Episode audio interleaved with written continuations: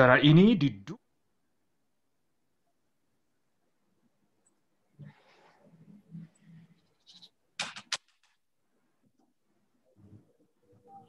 Baik, selamat pagi. Selamat pagi semua. Selamat pagi kerabat desa Senusantara. Pagi ini Forum Pojok Desa kembali hadir dengan uh, satu tema tentang strategi ekonomi yang dilakukan oleh teman-teman BUMDes di masa pandemi. Ini teman-teman BUMDes yang di sektor agro dan ekowisata. Hadir di sini teman-teman uh, BUMDes sebagai narasumber. Saya ucapkan selamat pagi ke Pak Agus Salim dari Desa Sirnajaya, dari BUMDes Sinar Makmur. Terus kemudian juga ada Mas Adi Kurniawan ini dari Bumnak ini, Badan Usaha Masyarakat Nagari. Dari Selamat pagi, Pak. Selamat pagi Pak Adi. Ya, ini uh, dengan ikonnya Grand Talau di sana. Terus kemudian juga ada Pak Imade Darsana. Ini Bumdes Eka Giri Karya dari Bali ini Bapak. Selamat pagi Pak Made.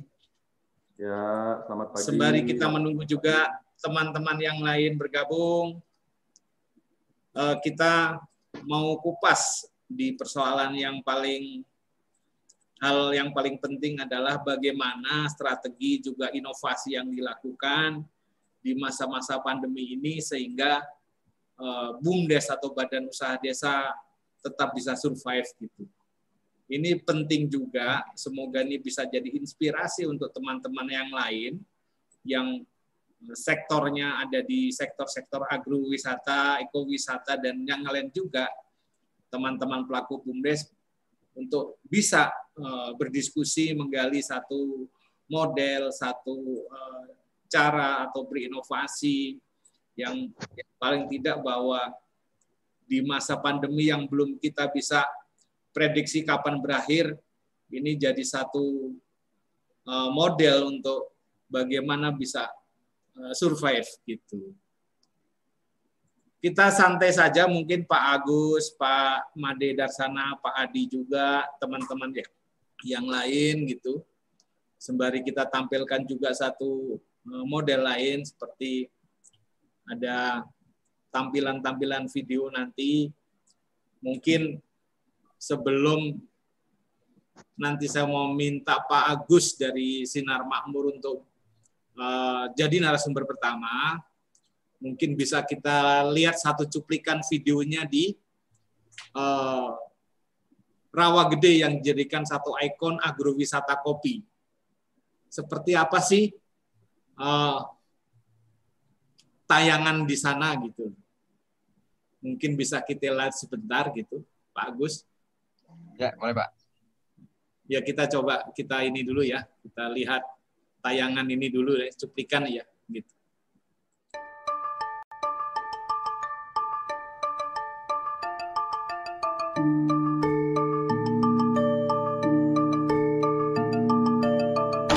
Dikenal sebagai salah satu penghasil kopi terbaik, agrowisata kopi Rawa Gede di Desa Sirnajaya, Kabupaten Bogor dengan cita rasanya yang tinggi membuat siapa saja ingin datang dan mencobanya. Tidak hanya kopi, kemuliaan alam di sini juga menakjubkan. Rasakanlah indahnya pegunungan di sini. Hijau hamparan sabana ilalang, sejuknya udara pegunungan, bisik suara alam, semuanya menjadi harmoni yang sempurna melengkapi paras agrowisata kopi rawa gede dalam balutan pesona Bogor. Indahnya agrowisata kopi rawa gede menjadi daya tarik wisatawan. Tidak jauh dari sini terdapat curahan air alami. Nah, menarik sekali tadi Pak Agus Salim. Ini videonya nih luar biasa nih. Dan ada satu saya lihat hmm. sekilas bahwa pengurus BUMDesnya sampai mengajak Ibu Bupati untuk berpromosi uh, di lokasi wisata tersebut gitu. Nah, saya mau persilakan ke Pak Agus Salim. Ini kiat, langkah, strategi, dan inovasi apa saja yang dilakukan di masa pandemi sehingga bisa survive, BUMDesnya masih bisa menggaji karyawan, masih ada penambahan uh, pendapatan untuk desa juga gitu. Silakan Pak Agus bisa dipaparkan apa saja strateginya. Baik Pak. Nah. Assalamualaikum warahmatullahi wabarakatuh. Waalaikumsalam. Alhamdulillahirrahmanirrahim. Walakibatu lil muttaqin wala udwana illa ala dolimin wassalatu wassalamu ala khairil sayyidina Muhammadin wa ala alihi washabihi ajmain. Ya. Puji dan syukur semoga dilimpahkan kepada kita Nabi besar Muhammad sallallahu alaihi wasallam. Amin. Yang terhormat Bapak Gatot sebagai lurah pojok desa atau lurah Nusantara ya Pak ya yang dibilang pada waktu sesi ke-6 waktu itu waktu itu saya seharusnya mengisi ya Pak ya karena yeah. kebetulan ada sedikit musibah ya tergelincir nih uh, pinggang jadi nggak bisa hadir nggak bisa bangun saya mohon maaf ya alhamdulillah sekarang yang kesembilan saya bisa tampil walaupun hanya di depan layar kaca ya, ya layar laptop ini Mudah-mudahan kita bisa sehat semua dan bisa menjalankan aktivitas untuk warga masyarakat desanya masing-masing, terutamanya yeah. khususnya untuk desanya kecamatannya masing-masing atau kabupatennya masing-masing. Yeah. Yang terhormat Bapak Bang Bang belum kelihatan nih, belum hadir nih. ya, langsung saja ke narasumber satu yang tadi ya, Bapak Imade Dar sana ya. Ya. Pengurus ya. BUM Desa ya pengurus BUM Desa Eka Giri Karya Utama dari Desa Wanagiri Bali. Selamat pagi Bapak, selamat, selamat pagi. beraktivitas dalam acara Jom Meeting ini. Bapak Bapak Septiadi Kurniawan, Direktur Bumnag ya? Bumnag Pak ya? Iya Bumnag Pak. Pesisir Ulukan Madani ya? Madani. Ya, Madani. Pengelola nah. Ya, pengelola ekowisata dan edukasi Keren Talau ya. Ini udah uh, apa ya?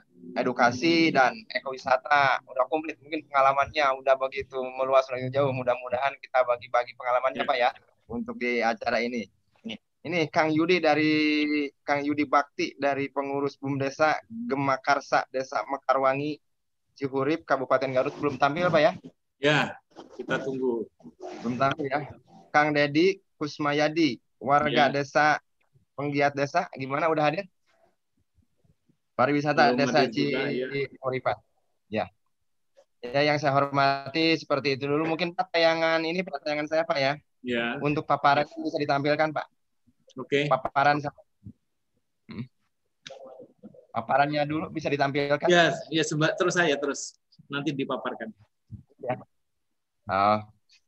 Ya, saya memperkenalkan diri dulu. Nama saya Agus Salim, saya Direktur BUMDes Sinar Makmur, Desa Sirnajaya, Kecamatan Sukamakmur. Berlahirnya BUMDes Sinar Makmur belum lama, Pak, sebetulnya. Mungkin Bapak sebetulnya udah tahu ya. Ya. Baru tahun 2018 itu. Awalnya saya mengelola agrowisata sekarang jadi menambah ya. Jadi awalnya saya mengelola ekowisata, Pak. Sekarang ditambah lagi dengan agrowisata. Sesudahnya ada program Pak IDFL. Nah, ini Pak, biodata biodata ya. pribadi saya. Nama saya Agus Salim, lahir Bogor 17 0880, jabatan Ketua Bumdes Sinar Makmur, alamat Kampung Luwung Datar 2, Desa Sirnajaya, Kecamatan Sukamakmur. Kebetulan bertepatan di lokasi Setu Rawagedanya, Pak ya. Ya. Pengalaman ini pengalaman kerja mungkin hanya segitu, Pak. Hmm, lanjut. Bisa dilihat ya. ya. Lanjut, Pak. Lanjut. Nah. Ya. Kurang kurang jelas ya, Pak ya? Gambaran umum Desa nah. Sirnajaya ini ya. Gambaran umum. Ini ya, gambar umum Desa Sirnajaya terletak di Kecamatan Sukamakmur, Kabupaten Bogor, Provinsi, Provinsi Jawa Barat. Desa Sirnajaya di permukaan laut 500 sampai 1200 Pak. Makanya kenapa ya. ya kenapa kita mengangkat di agrowisatanya Pak ya di bidang kopi. Kebetulan untuk di Desa Jaya ada salah satu keuntungan antara MDVL tinggi. Jadi untuk menghasilkan kopi itu rasanya agak lumayan bagus Pak. Makanya ya. kita kembangkan bukan hanya mengembangkan di ekowisata, tapi kita mengembangkan di agrowisata, yaitu salah satunya di program kopi yang sesudahnya dikasih program feedback oleh Kementerian Desa tersebut, Pak. Ya, dilanjut, Pak. Lanjut, lanjut. Lanjut lagi. Terus. Oke, lanjut. Nah, ini Nah, ini salah satunya tempat yang saya kelola ekowisata, Pak. Iya. Ekowisata disebutnya ini situ Rawa Gede. Sekarang dipadukan dengan agrowisata kopi situ Rawa Gede, Pak. Yuk, lanjut. Ya, lanjut.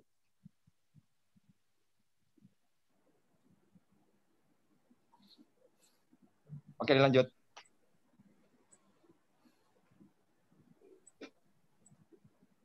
Paparannya dilanjut aja, Pak. Ya. Terus. Oke. Nah, ini salah satu agrowisata di perkebunan kopi ini seperti ini. Ya. Oke, lanjut. Terus. Nah, ini struktur. Oh, kembali kembali. Kembali dulu, Pak. Iya. Nah, struktur. Struktur ya. Struktur kembali dulu. Nah, struktur organisasi Bumdes Sinar Makmur, salah satunya penasihat ya kepala desa. Kebetulan di sana saya ketua, sekretaris bendahara, sekretaris Adam Damiri, us, eh, bendaharanya Pak Usman. Nah, awalnya, awalnya satu hanya saya punya hanya satu unit usaha ya. Salah satunya yaitu agrowisata awalnya ekowisata. Sekarang udah punya tiga unit usaha. Sesudahnya mendapatkan program PIDV Pak. Ya. Satu penambahannya di pengolahan kopi. Pengolahan kopi dan kedua di kedai kopi. Mungkin ya Bapak udah merasakan dan udah pernah singgah ke kedai tersebut Pak. Oke, lanjut. Ya. Lanjut.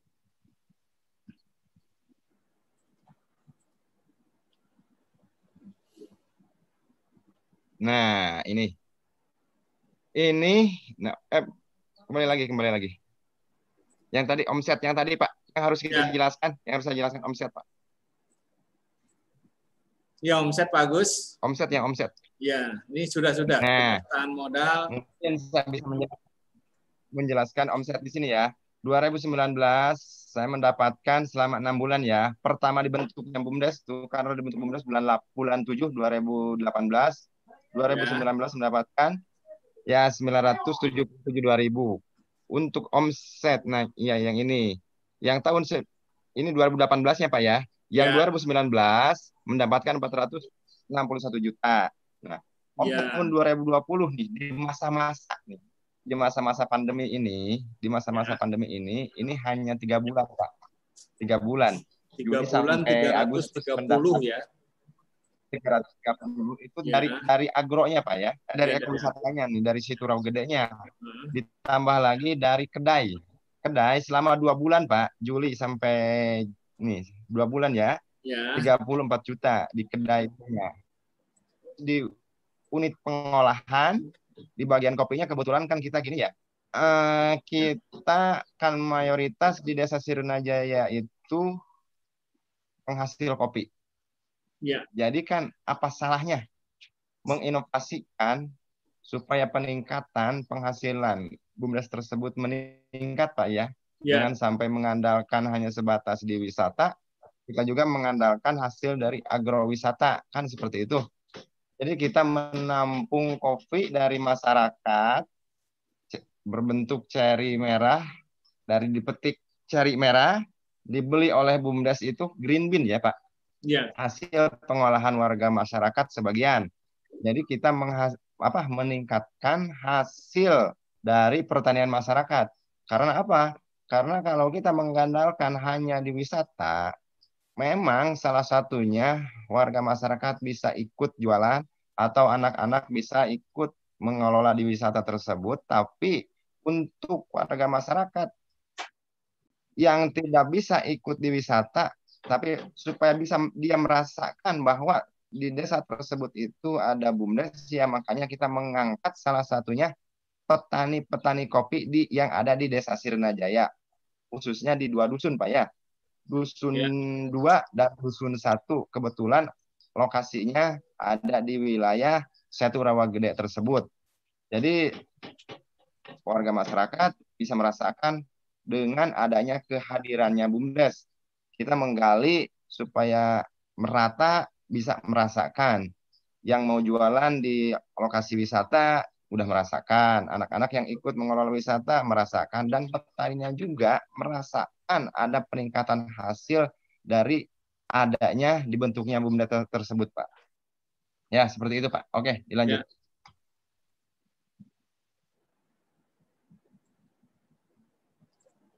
Dilanjut, Pak. Ya. Nah, ini dampak COVID, Pak ya. Dampak dampak COVID bulan Maret, Maret sampai dengan Mei ini tutup total. Sebetulnya gini, tutup total ini dalam pengelolaannya, Pak. Pengelolaan artian kita tidak menjual tiket. Ya. Tapi ini ada yang harus saya jelaskan di sini, tapi pengunjung selalu ada. Karena apa? Karena tempat wisata pas pinggir jalan desa. Jadi walaupun kita gembok, walaupun kita kasih pagar, tapi berhubung di pinggir di pinggir setunya banyak warung, alasannya ke warung, tapi tetap larinya ke wisata. Makanya fasilitas-fasilitas yang ada di wisata itu pas waktu Maret sampai tutup itu tutup total itu tetap rusak pak. Jadi untuk bulan Januari sampai de, uh, bulan Januari sampai dengan Juni tutup total, Maret kan tutup total pak ya. Kita uh, memperdayakan ini pak ya, memperdayakan pengelola anak-anak yang mengelola wisata ini hanya sebatas perawatan pak. Jadi walaupun kita tidak mendapatkan uang, waktu bulan itu, tapi kita tetap memberdayakan, memperkerjakan si pengelola tetap berjalan Pak seperti itu. Ya, ya, ya. ya. Mulai ini Pak, langkah ino, langkah inovatif para wisata, karyawan dipekerjakan kegiatan perawatan dan pemeliharaan. Jadi terus walaupun kita tutup tapi ya. perawatan ini masih Pak. Ya. Kalau bulan Juni, nah bulan Juni wisata dibuka dengan melaksanakan protokol kesehatan. Kedai kopi mulai dibuka bulan Juli dengan melaksanakan sama seperti tadi protokol kesehatan. UPH, nah UPH mencari peluang promosi promosi supaya kita berjalan bisa lanjut berjualan pak seperti itu. Karena apa? Kalau kita kopi biasanya kan banyak yang datang beli pak ya atau kita yeah. kirim lewat JNE atau apa karena pas masa-masa pandemi waktu itu kan di kedai-kedainya yang kita sering supply kopi dari kita kan tutup juga. Seperti ya. itu. Prediksi nih pak. Langsung ya. prediksi ya? Ya lanjut, prediksi lanjut. pendapatan. Ya prediksi oke okay. prediksi prediksi untuk pendapatan ke depannya insya Allah seperti yang ada di sini. Mungkin udah kelihatan ya, ya. itu prediksi saya. Mudah-mudahan ini tercapai pak. Ya. Oke lanjut. Ya lanjut. Nah, nah ini salah ya. satu kegiatan produksi, Pak. Ya. Di sini ada arah untuk penjemuran, kopi ya. Yang tadi disebut penghasil kedai. Ya. Nah, kedai ini kuali, eh, hasil hasil produk karya-karya anak-anak nih yang kita sering jual di kedai tersebut. Gitu ya. seperti ini, Pak. Kopi kemasan, ada yang kopi siap saji, siap minum, Pak, seperti ini. Ya. Oke, kita lanjut. Lanjut. Ini proses ya. Ini proses Pak ya. Ya. Proses. Dan ini juga ada pembinaan di kelompok tani ya Pak Haji ya. Nah, ya. ini proses jual beli Pak. Sebetulnya jual beli ini kita beli kopi dari petani Pak. Ya, ya, ya. Beli ya. kopi barang dari petani. Karena pengarahannya kita akan beli beli kopi green bean awalnya kan warga masyarakat mengambil kopi itu hanya kopi asalan, Ya. Pak. Kita berbicara sekarang ke ini Pak ya, ke agrowisatanya Pak ya. Ke Ya. agrowisatanya karena salah satu kita mengait dengan program Pitbel tersebut. Alhamdulillah kan sesudah sesudah ada program Pitbel kita ada peningkatan-peningkatan ya. Salah satunya di Ya. peningkatan penghasilan dan juga peningkatan un- untuk eh, menghilangkan pengangguran warga masyarakat ya salah satunya Hmm. seperti ini cara penyortiran kita menggunakan bapak-bapak dan ibu-ibu kan seperti Ya. itu. Awalnya nggak ada kegiatan menjadi ada kegiatan. Nah ini pembinaan-pembinaan Pak. Jadi pada intinya alhamdulillah Pak ya selama sesudah mendapatkan program Pinpel tersebut jadi banyak sorotan Pak ya. Banyak yang mengincar ke agro, ke desa Sirnajaya ke Bumdes Sinar Makmur itu. Jadi dari setiap dinas Pak ya.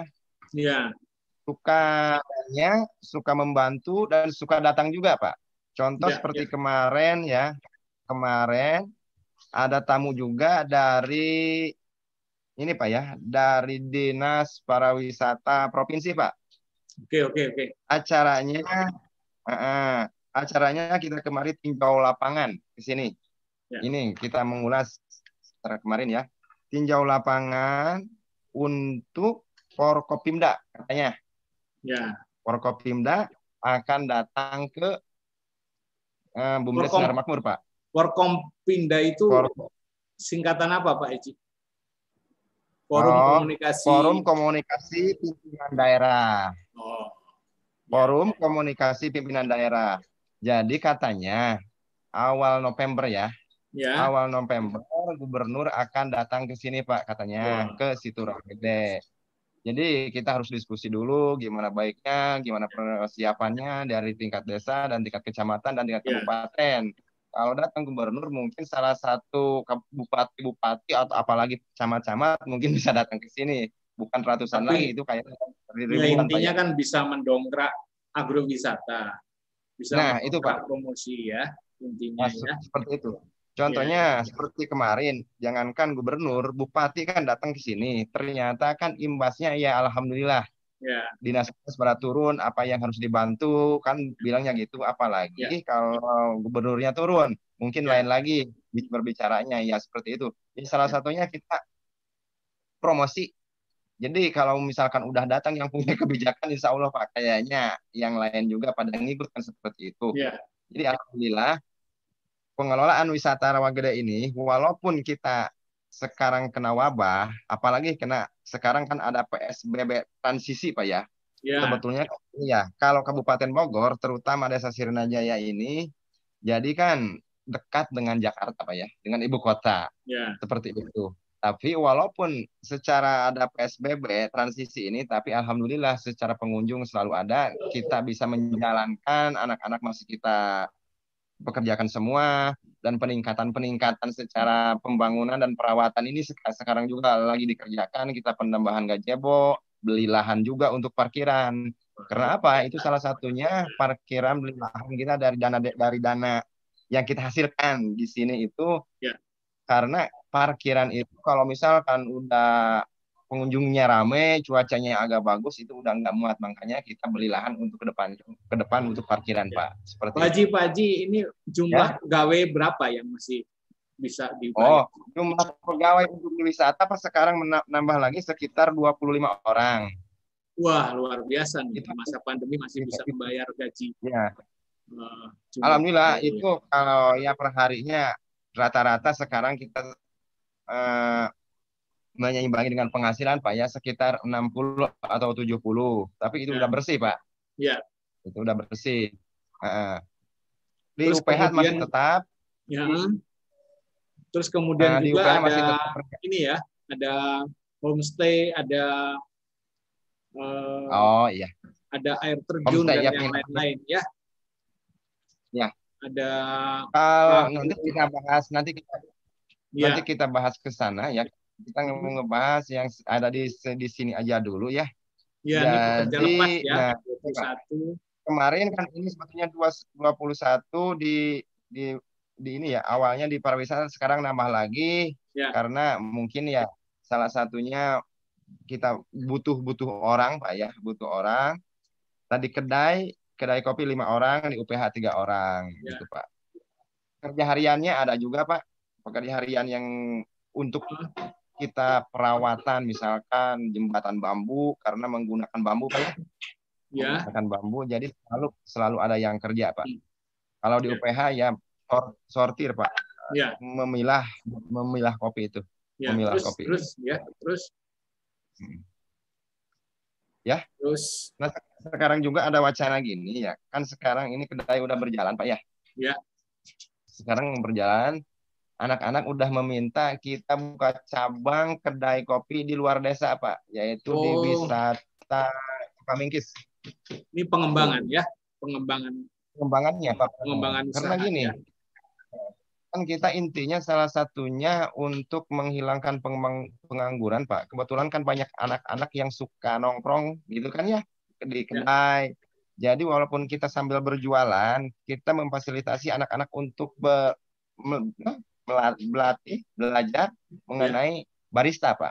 Ya, Jadi ya, ya. sekarang udah agak lumayan ada, udah agak lumayan banyak secara anak-anak yang udah agak paham ya di bidang pembarista. Ya. Yang insya Allah untuk ke depannya kita akan buka cabang di luar desa Pak seperti itu. Ya. Ya. Ini Pak, ini kunjungan Bupati Bogor dan Dim Ya. Kapolres, Ketua DPRD ya, yang Ya. satu, terus kunjungan dari Oke. salah satunya dari Bapak Pak Dir ya, yang waktu pertama Saya ngasih jangan disebut lah Pak Haji. Saya jangan disebut. ya ini kunjungan dari Dinas DPMD dan Unpak ya. Ya. Dan Unpak ini kunjungan Kepala Bidang Destinasi yang kemarin Pak. Yang kemarin yang saya bilang tadi Forkopimda itu Pak ya. Ya. Ini yang ini ya. Terus kunjungan Bah ini kunjungan Bapak Nusantara. ini. Terus Ya. kunjungan dari Iwapi. Ya, Kebetulan Pak sekarang juga akan saya kembangkan kopinya di kopi saset Pak. oh gitu ya. Ya, karena apa? Inovasi berarti ini inovasi Ya. Pak Haji. Ya. Inovasi. Karena apa? Karena ada hikmahnya juga. Ya. Wabah COVID tersebut ada Ya. pendampingan dari Universitas Nasional Universitas Pak, UNAS Pak, dari UNAS. Dia akan mengasih ke BUMDes mesin saset Pak. Ya, Ah, ah, mesin saset. Jadi akan kita kembangkan. Pada intinya kita bukan mau menghilangkan yang udah ada, tapi kita bersaing, ingin bersaing dengan baik supaya peningkatan penghasilan itu lebih baik. Ya. Kita akan menjual di keliling di pinggir-pinggir warung tersebut itu kopi rawa gede berbentuk saset seperti itu, Pak. Ya. Seperti itu. oke oke. Hmm. Nah, salah satunya dari pendukung dari agrowisata Rawagede ini, yang tadi udah Bapak singgung ya, ada beberapa curug yang bisa dikunjungi, Pak. Yaitu seperti Curug Cidulang namanya ya, yang lumayan debit airnya gede dan begitu dan luas juga. Ada Rawa Berem Ya. dan yang untuk eh, yang akan saya kembangkan ke depannya, yang udah Bapak kemarin bantu itu, mungkin secara legalnya saya belum tahu udah sejauh mana ini pengurusannya. Masalah kebun kopi ya Pak ya, agrowisatanya Pak ya, Ya, agrowisata. Karena apa? Karena satu dua sekarang udah ada Pak yang kita jajapi target ke kebun kopi ya Pak.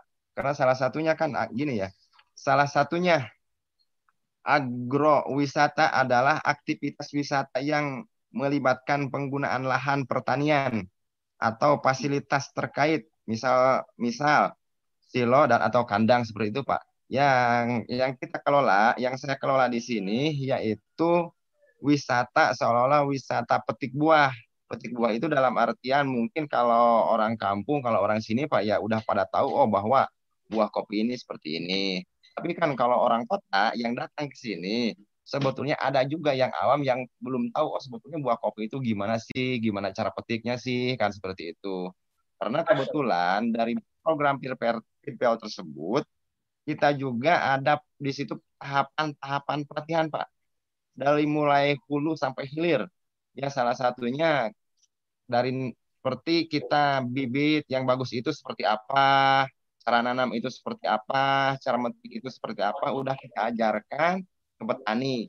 Jadi kita juga sekarang di sini, kalau misalkan ada yang mau diantar melihat kebun kopi atau mencarat nanam kebun kopi atau cara metik kopi itu udah ada petani yang mengantar ke tempat tersebut Pak. Seperti itu. Kalau kita mengembangkan di agrowisatanya. Iya iya iya iya. Pengalaman dari yang saya kerjakan di agrowisata dan ekowisata, Pak. Memang awalnya saya di ekowisatanya, sekarang saya juga terjun di agrowisatanya.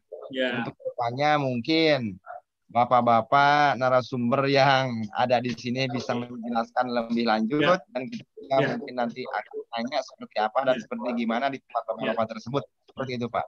Oke Pak Haji, terima kasih. Ini uh, ini lengkap sekali sebetulnya, tapi kita bisa me memetik satu hal bahwa uh, satu hal inovasi yang dilakukan dari sebuah agrowisata yang tadinya dia di ekowisata berkembang menjadi agrowisata, yang kemudian dia kemudian BUMDes bisa merangkum semuanya, terus kemudian juga di sini basis yang paling utama adalah selain lokasi wisata berupa danau, terus kemudian air terjun, terus kemudian juga ada homestay dan yang lain-lain. Satu model yang dilakukan lagi dalam satu inovasi itu adalah nanti memetik eh, cherry merah dari kopi, ada program sampai ke sana. Yang paling tidak bahwa satu gambaran apa yang dilakukan oleh Bumdes Nak Makmur Desa Sirnajaya ini bahwa inovasi-inovasi yang sudah dilakukan ini sebagai sebuah cara uh, untuk survei dalam uh, masa pandemi ini. Gitu. Nah, ya. ini luar biasa Pak Haji. Gitu. Ini luar biasa. Tentunya ke depan kita berharap bahwa infrastrukturnya akan makin baik, terus kemudian inovasi yang lain akan dikembangkan, seperti tadi produk saset segala macam terus kemudian trackingnya dan yang lain-lain. Nah, ini ada di Bogor, satu potret yang dekat ibu kota. Sekarang kita akan coba pindah ke Sumatera dulu. Di Sumatera di sana dengan satu lokasi yang tidak ada kebun kopinya. Tapi di sana ada mangrove, ada ponipah, ada sungai, ada laut. Nah, ini kita mau tanya dari Badan Usaha Masyarakat Nagari. Ini Pak Adi Kurniawan sebagai uh, pimpinannya. Mungkin bisa kita tanya situasi di sana seperti apa juga, bagaimana Badan Usaha Nagari bisa berjalan dan bisa survive di masa-masa pandemi seperti ini. Pak Adi, silahkan di Sambut. Ya. Mohon izin uh, Pak ya. Bapak Gatot uh, Bimo. Selamat pagi. Assalamualaikum warahmatullahi wabarakatuh. Uh, terima kasih Pak uh, atas kesempatan yang luar biasa ini. Salam hormat tentunya uh, kepada seluruh kerabat desa terkhusus Bapak. Pak Adi jangan pakai headset coba Pak. Enggak usah pakai headset, langsung aja ya biar biar nggak bingung. Apa ya? Ya. Ya ya ya, ya lanjut. Ya. Ya ya. Posisinya lagi di kantor Nagari. Ya. Ya saya ulangi pak. Ya. Ya ya assalamualaikum warahmatullahi wabarakatuh.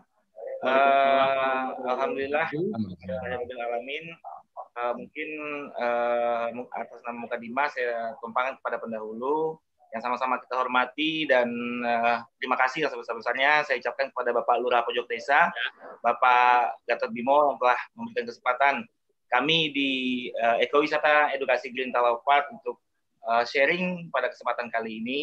Dan salam kenal dan salam rindu mungkin kepada teman-teman kerabat desa yang ya. karena masa pandemi ini kita hanya bisa dipertemukan lewat uh, virtual ya Pak ya. ya. Mungkin saya langsung saja bercerita Pak. Ya. Uh, ya Atau kita tampilkan sedikit videonya ya. Boleh ya? Boleh. Kita tampilkan ya, sedikit ya, sebelum videonya dari Pak Adi sembari juga ya, uh, berbicara kita tampilkan juga. Ya.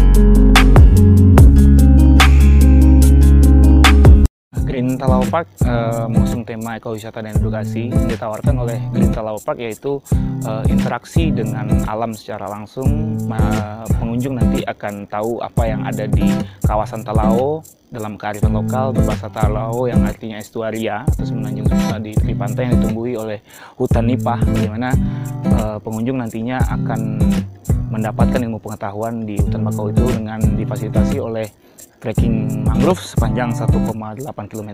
Selain itu, uh, wahana juga disediakan oleh uh, pengelola di mana Badan Usaha Milik Nagari Ulakan, itunya pesisir Madani, uh, menyediakan beberapa wahana seperti bebek dayung, kanoing, dan perahu wisata untuk kenyamanan pengunjung nantinya. Ya, flora dan fauna umumnya di sini uh, nipah termasuk pakai edukasi yang saya bilang tadi uh, pengunjung bisa langsung memanen nipah di uh, hutan nipah Uh, pengunjung juga bisa berinteraksi dengan flora dan fauna yang ada di dalam seperti kera ekor hitam, uh, terus berang-berang, kelelawar dan banyak hal lainnya yang bakal ditemukan di uh, Green Talau Park ini.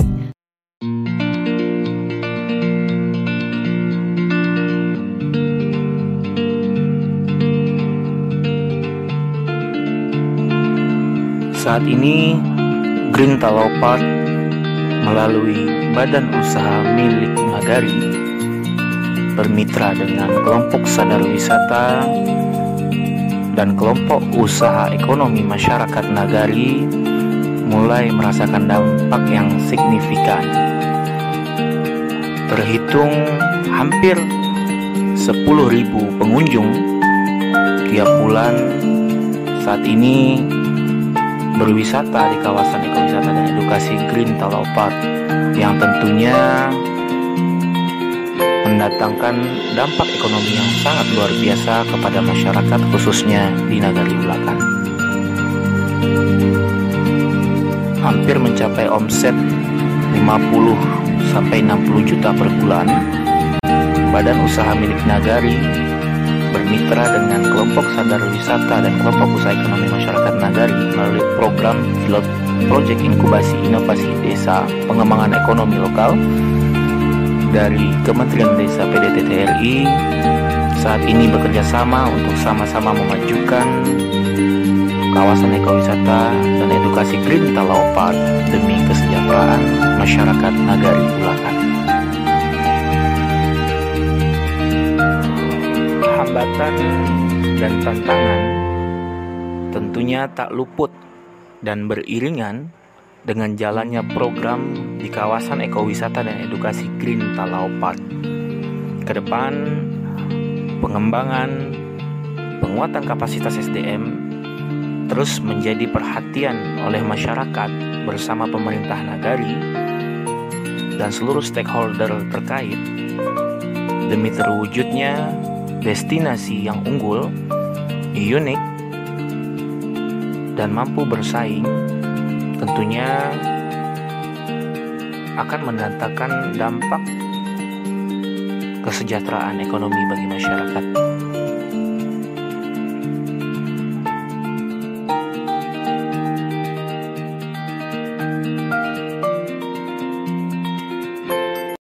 Nah, Pak Adi, apa saja langkah-langkah yang di masa pandemi sekarang?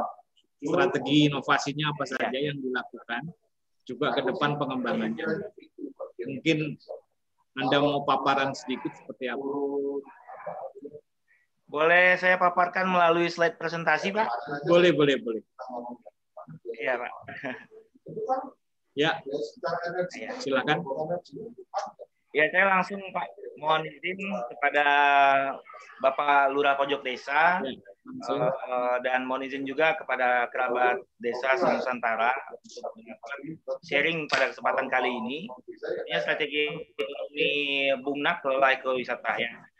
Green Talaupat ya ini produk-produk pariwisatanya Pak di ekowisata dan edukasi Green Talaupat kita punya trekking Ya. hunting, beautiful sunset, cafe spot, canoeing area, ada wahana air, rumah pohon, gazebo spot, dan flora dan fauna. Ini bisa lanjut. Ya, lanjut.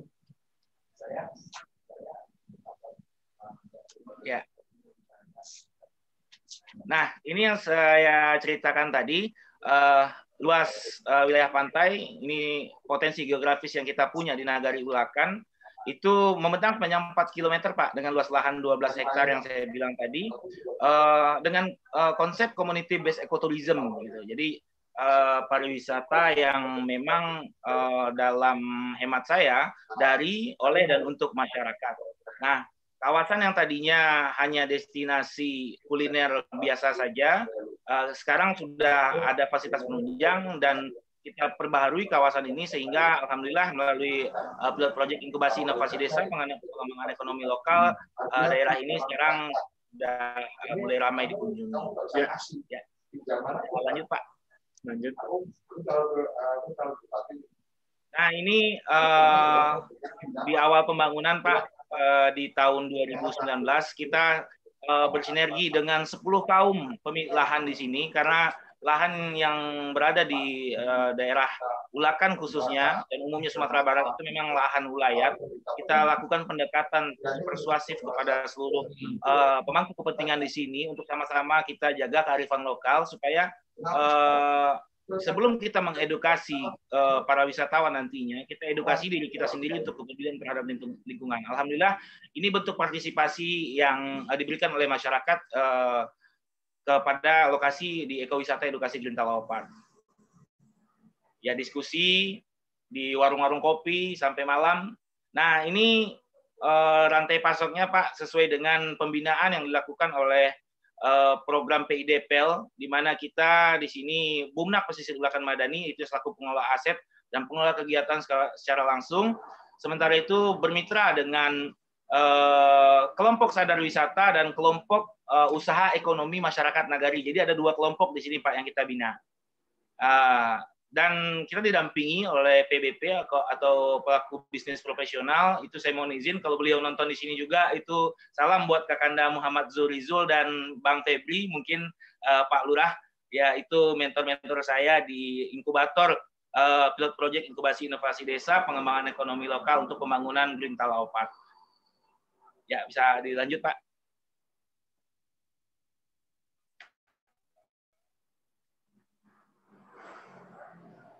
Nah, ini alokasi eh, bantuan yang kita terima untuk pembaruan kawasan yang tadinya uh, masih dalam kawasan uh, Pasikan Betigo yang khusus untuk uh, menjual uh, kuliner dari nelayan, uh, kita dapat uh, sarana untuk sarana prasarana kita dapat waktu itu 1,1 uh, uh, proporsinya 84,72 untuk fasilitasi inkubasi kita penguatan kapasitas SDM saat itu untuk dua kelompok ini Pak ada Pogdaris ya. dan QM dan untuk operasional uh, 578 dan alhamdulillah terima kasih melalui kesempatan ini saya sampaikan kepada uh, PDPL dan Kemendesa 1,3 miliar lebih kita dibantu untuk uh, kawasan ekowisata dan edukasi ya. Pak. Oke, ya. ya. Lanjut. Lanjut, ya. Pak. Oke, Bapak. Nah, ini sedikit saya bercerita tentang pembangunan. Memang uh, konsep community based ecotourism gitu, swakelola jadi uh, satu hal yang perlu dijabarkan di sini, Pak, karena masyarakat diberikan ruang inovasi dan karya saat itu. Ya, kita tidak pakai kontraktor, namun hanya konsultan saat itu, Pak. Nah, pekerjanya langsung seluruh masyarakat Nagari Ulakan berpartisipasi dalam pembangunan ini. Ini dokumentasinya tiang-tiang uh, beton untuk yang trekking itu langsung dibawa ke hutan IPA. Ya. Lanjut, ya. Pak. Ya, lanjut. Nah. Ini setelah jadi ya. Ya. Nah, ini aset yang dimiliki saat ini. Uh, Alhamdulillah sekarang kita melalui PIDPL uh, eh, dan saat ini aset sudah diserah terimakan pada awal tahun 2020, Pak. Uh, membentang sepanjang 1,8 km kurang lebih di uh, kawasan uh, Green Talaupat yang terletak di pesisir pantai yeah. Nagari Bulakan. Nah ini yeah, yeah. amenitas atau fasilitas penunjang yang kita sediakan untuk interaksi yeah. wisatawan. Ya. ya. Lanjut Pak. Lanjut. Hmm. Ini luar biasa view-nya ya. Ya, ini landscape, landscape alam sebagai uh, potensi alam yang kita kembangkan sebagai daya tarik. Ya. Ya. Ya, bisa dilanjutkan. Luar biasa. Terus ya. ya. Daya tariknya memang sunset. Nah, ini yang saya bilang tadi, penguatan kapasitas SDM melalui fasilitasi inkubasi. Jadi daerah yang tadinya memang uh, dominan dengan uh, kawasan kuliner, Pak. Nah, ibu-ibu ini tergabung dalam kelompok usaha ekonomi masyarakat nagari di mana Eh, produk-produk uh, yang dihasilkan oleh ibu-ibu ini kita tampung di lokasi ekowisata dan edukasi Green Park ya. lebih uh, layak konsumsi gitu Pak, lebih bernilai jual tinggi gitu. Seperti uh, di gambar kita lihat itu yang di gelas itu Pak, itu jus nipah Pak. Oh nipah bisa dibuat jus ya? ya? Dari apa? Dari buahnya atau apa? Ya itu jus nipah. Ya kita kerjasama dengan uh, akademisi uh, untuk memberikan fasilitas inkubasi uh, di program uh, pilot project inkubasi inovasi desa ini. Ada langkitang ya, di iya. sana, itu yang langkitang namanya itu Pak, langkitang cucu namanya itu. Kalau di Green Park. Ada kepiting bakau, ya. ya. Nah, kita sedikit tentang komoditi ini Pak, alhamdulillah kita dapat dampak juga di sini yang tadinya kita harus jauh-jauh ke Padang ke ke restoran-restoran seafood, sekarang Eh, nelayan-nelayan komoditi ini sudah dapat uh, pasar yang pasti di lokasi ya. ekowisata. Ya. Ya. Lanjut Pak. Ya, lanjut ya. Hmm. Nah, ini dampak uh, pasca PIDPL. Alhamdulillah pemberdayaan masyarakat tentunya sebagai pengelola langsung Pak. Uh, kita libatkan Pokdarwis di sana. Saat ini uh, 25 orang Pak sebagai petugas pelayanan operasional pemandu kita uh, berdayakan di kawasan ekowisata dan edukasi Gentalopat, uh, tersedianya lapangan pekerjaan dan pengusaha pengusaha-pengusaha lokal yang di uh, area kuliner itu juga banyak menyerap tenaga kerja. Untuk uh, dampak ekonomi uh, seperti yang tampak di layar tumbuh tumbuhnya toko jajanan di sepanjang area pariwisata. Ya bertambahnya omset penjualan pak karena memang uh, kita dari awal uh, sudah dikenal dengan kawasan Pasir Kami Tiga yang menjual spesifik uh, komoditi khas Talawo ini Pak yang memang sudah dicari orang juga. Sekarang ditambah daya tariknya melalui program PDPL dan banyaknya kegiatan ekonomi penyokong uh, usaha-usaha masyarakat seperti uh, souvenir dan oleh-oleh lingkungan seperti yang saya bilang tadi penataan area Green Talawa Park kita diapit oleh kawasan yang sudah uh, dialih fungsikan sebagai tambak udang Pak tapi alhamdulillah saat ini masyarakat Nagari Bulakan melalui uh, peraturan nagari kita komitmen untuk menjaga lingkungan ini yeah. untuk kita bisa berbagi ke uh, masyarakat gitu. Bagaimana menjaga lingkungan itu gitu. Yeah. Bisa dilanjut Pak. Lanjut. Nah, ini strategi ya, strategi yang dilakukan sekarang ya. Nah ini uh, strategi ya Ya, strategi ekonomi ini Pak, khususnya eh, saat masa pandemi ini, eh, yang pertama mungkin promosi via sosmed itu kita eh, melibatkan Pogdarwis yang eh, tadi saya bilang di pelayanan ada 25 orang, yang khusus untuk promosi ini di Pogdarwis kita juga berdayakan ada lima orang Pak untuk memang betul-betul uh, kawal bagaimana rating kita di sosial media. Uh, jadi uh, pengunjung itu seperti posting-posting uh, foto uh, di kawasan itu kita uh, berpesan atau mention langsung uh, ke Instagram jadi tersebar luas di media sosial dan viral. Dan selanjutnya bekerja sama dengan inkubator wisata, akademisi dan pemerintahan. Nah ini terus kita lakukan Pak uh, inkubator kita tadi dari CP Sumber Wisata Madani, Kakanda Muhammad Zurizul dan Kakanda Febri itu juga intens di lokasi karena memang masyarakat nih uh, awam Pak gitu. Ini daerah jadi kok jadi rame ribuan orang ke sini gitu. Sementara sedikit kilas ke belakang saya perlu jabarkan di sini Pak. Ya. Uh, Besarnya Green Park itu event tahunannya uh, adalah Basapa Pak nih. Ini yang uniknya di sini kita punya ikon uh, makam Syekh Burhanuddin yang satu dalam kurun satu tahun itu pas di, di bulan Syafar pada kondisi saat ini itu mampu menyerap wisatawan sampai 30 ribu pengunjung Pak dalam rentan waktu tiga minggu. Nah kita ya itu uh, wisata uh, religi Pak, jadi berziarah dari Brunei, Myanmar itu datang ke sana. Nah di masa pandemi ini uh, wisata religi tutup dan kita juga uh, harapan kita di awal harus uh, dipending dulu saat ini gitu. Nah, hmm. makanya di poin ketiga penyelenggaraan event dan kegiatan yang berkelanjutan.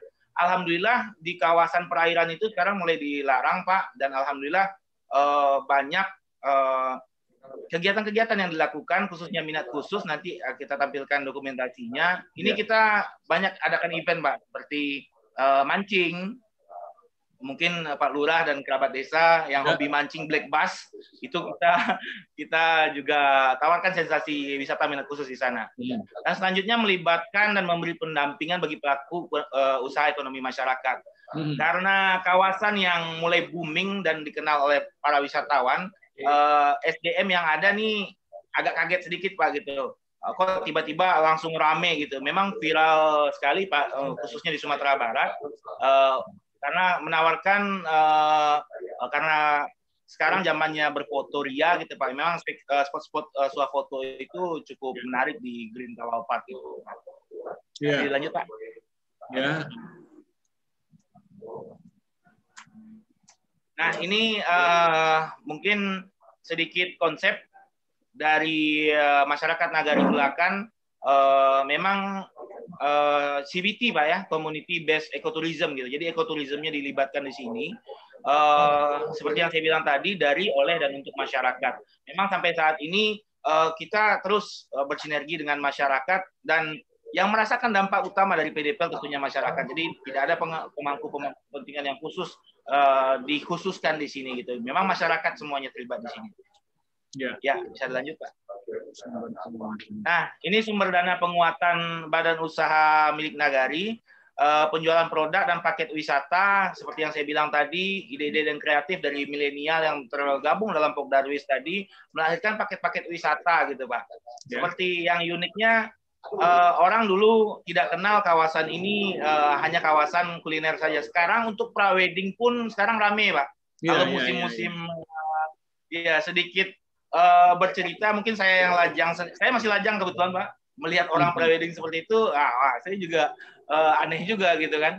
Uh, alhamdulillah sekarang sudah uh, banyak paket-paket wisata yang sudah ditawarkan. Dan kita juga punya kawasan pulau Pak. Ya nah ini yang akan dikembangkan ke depan itu kawasan Pulau Pie uh, untuk uh, dolphin watching di sana Pak uh, ya. belum dikelola dan mudah-mudahan melalui Green Talapak nanti kita bisa terhubung ke sana hmm. dan dan memang kawasannya masih terletak di Nagari Ulakan hanya satu jam sana sebelum Mentawai pak. Ya. Nah itu yang yang bakal kita susun nantinya. Bantuan pemerintah untuk uh, support keberlanjutan program.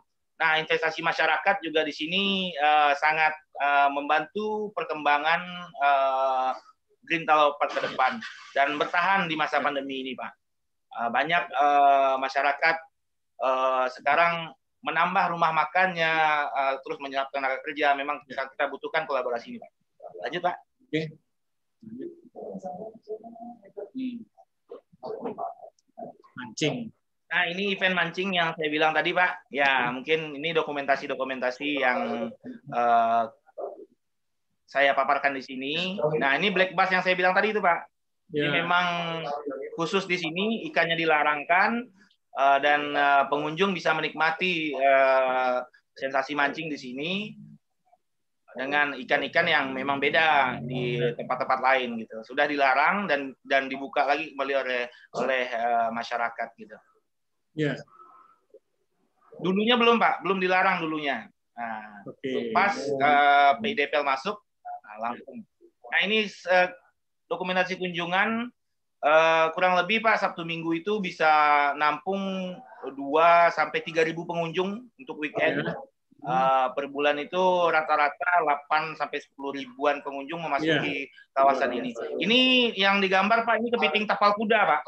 Di sebelah kiri layar yang dipegang oleh lelaki berkacamata ini Pak. Yeah. Kepiting tapal kuda ini uh, memang uh, langka gitu Pak. Kalau bisa search nanti teman-teman uh, kerabat desa yang uh, saya muliakan pada forum ini. Nah, ini unik Pak. Nah, kita belum punya izin konservasinya. Uh, sementara kalau masyarakat umum tahu, kepiting tapal kuda ini dia berdarah biru, Pak. Orang ningrat dia tuh, Pak. Nah, jadi uh, di Google saya sedikit baca itu bisa untuk vaksin corona juga saya tidak tahu Allah alam. Dan uh, selanjutnya foto selanjutnya itu memang protokol kesehatan juga kita jalankan uh, semasa pandemi ini karena kita baru buka kurang lebih empat uh, bulan ini Pak terhitung yeah. tanggal 6 Juni yeah. uh, kita buka. Dan ini kegiatan prawedding yang saya bilang tadi Pak, kita juga sudah uh, buatkan paket praweddingnya yeah. dengan menawarkan spot-spot uh, selfie menarik, gitu. kolaborasi antara alam dengan amenitas yang ada. Hmm. Ya lanjut Pak. Ya, lanjut. Hmm, gitu ya. Nah ini paket uh, gathering pak, gathering juga kita tawarkan di sini.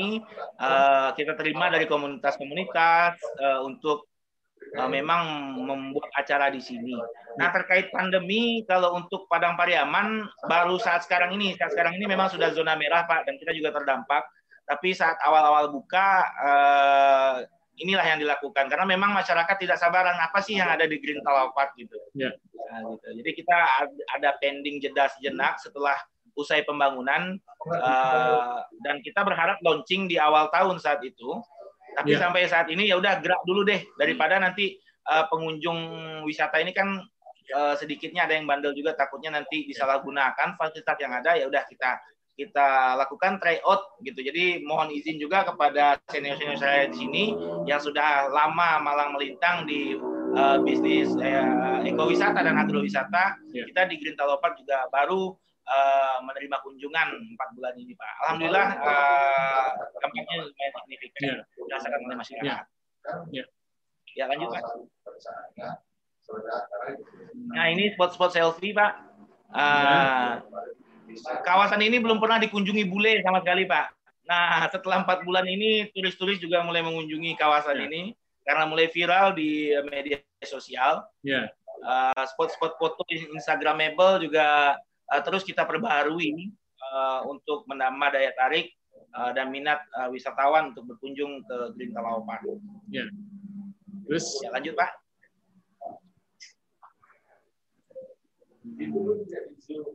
Ya. Ini ya. Ini ada. Nah, nah ini uh, sedikit uh, bercerita Pak saya Pak. Jadi memang program pilot project inkubasi inovasi desa pengembangan ekonomi lokal uh, terasa dampaknya untuk lokus-lokus lain yang juga ingin uh, seperti Green Talau Park gitu. Jadi saya di sini agak bercerita pengalaman pribadi. Uh, beberapa waktu terakhir satu dua bulan ini saya banyak diundang melalui forum-forum di uh, uh, yang diadakan oleh universitas maupun dinas uh, terkait.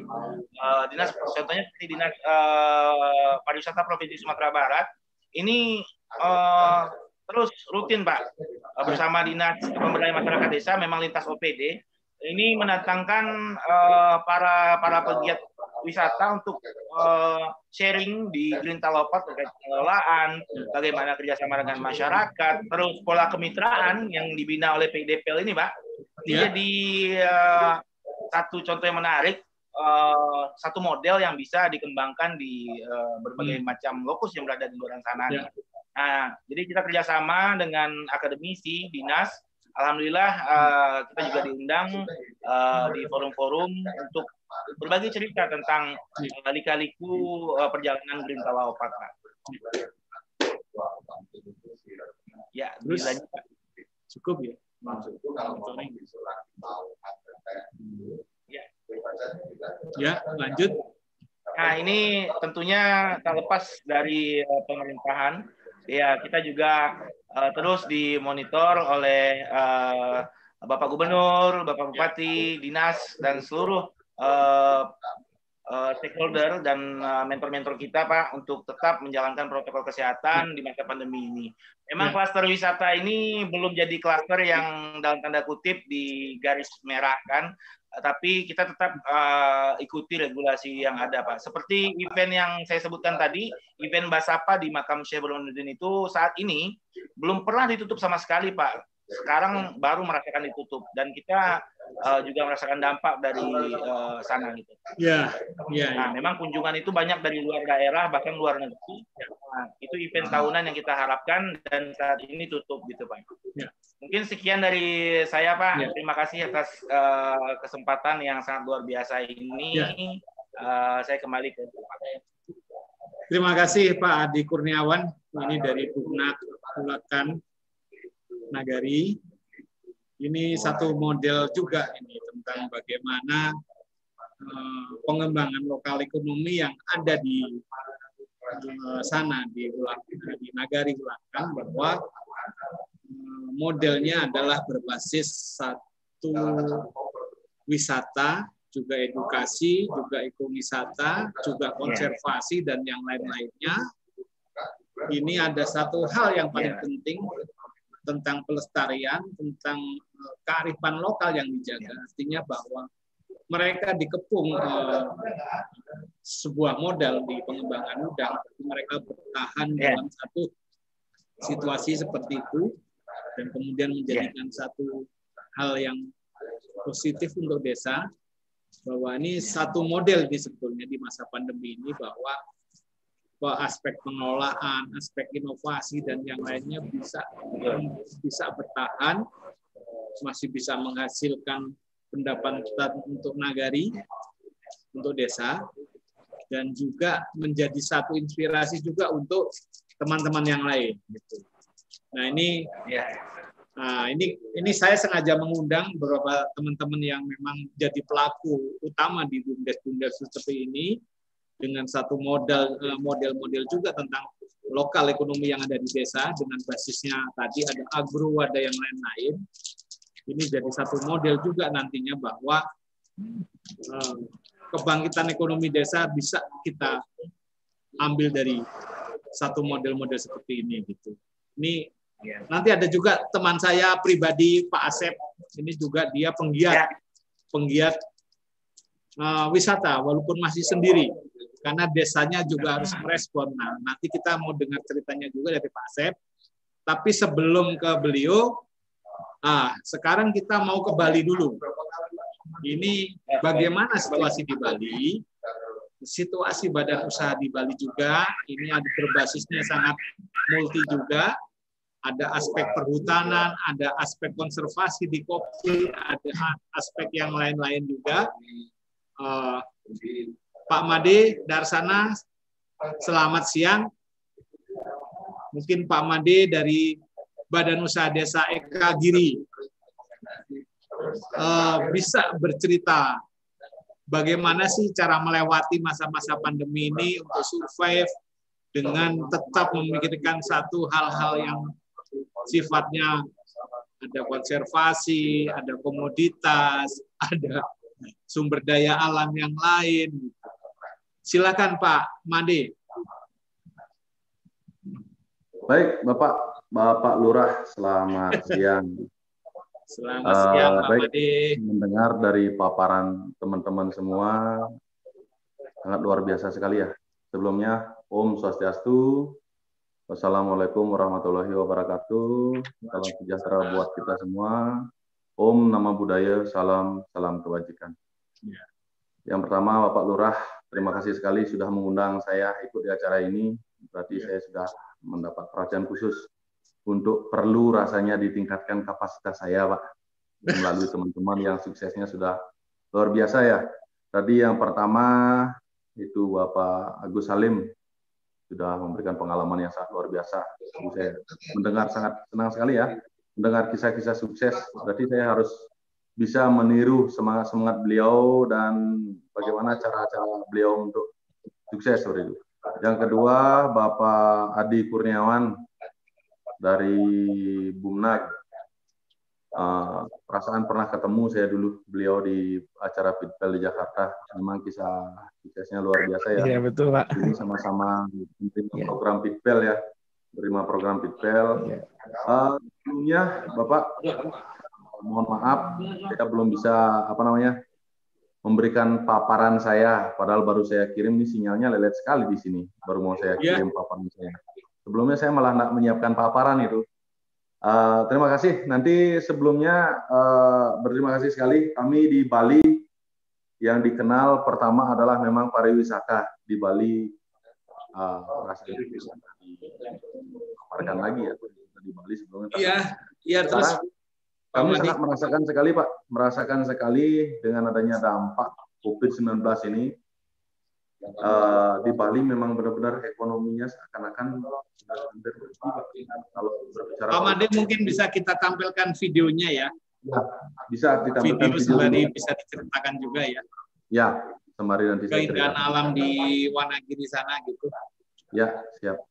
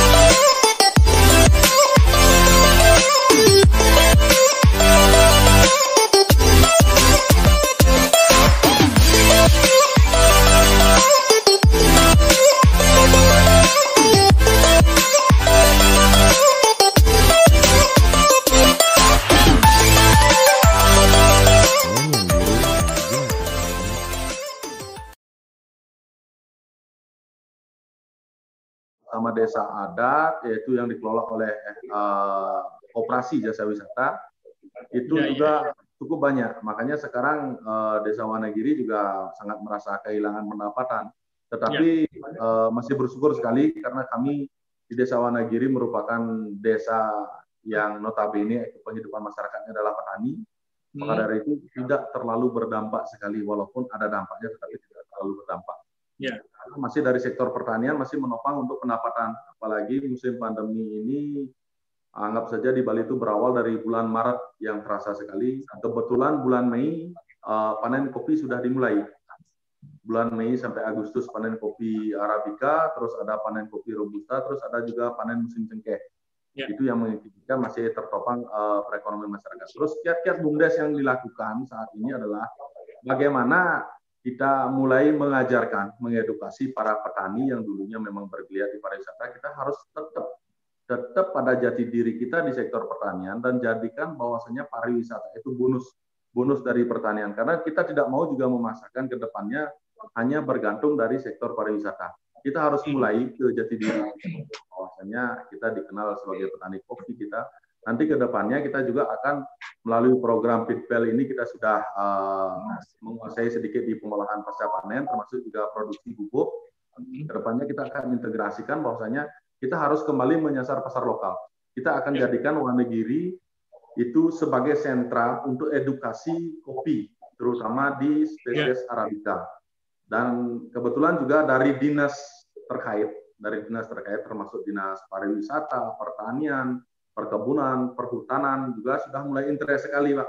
Sudah ya. mulai interest sekali terkait dengan Wonogiri dijadikan sentra kopi Arabikanya Buleleng sentra kopi arabikanya Buleleng termasuk juga tadi pagi saya sebelum mengikuti kegiatan ini kami sudah menyepakati kita adakan pertemuan bahwasanya nanti 135 ribu bibit kopi ya. untuk di di Wanagiri itu akan diadakan oleh Bumdes. Bumdes yang mengadakan nah, Pak Made kita mau lihat tampilan dari kopi Wanagiri ini. Coba. Ya nah, silakan.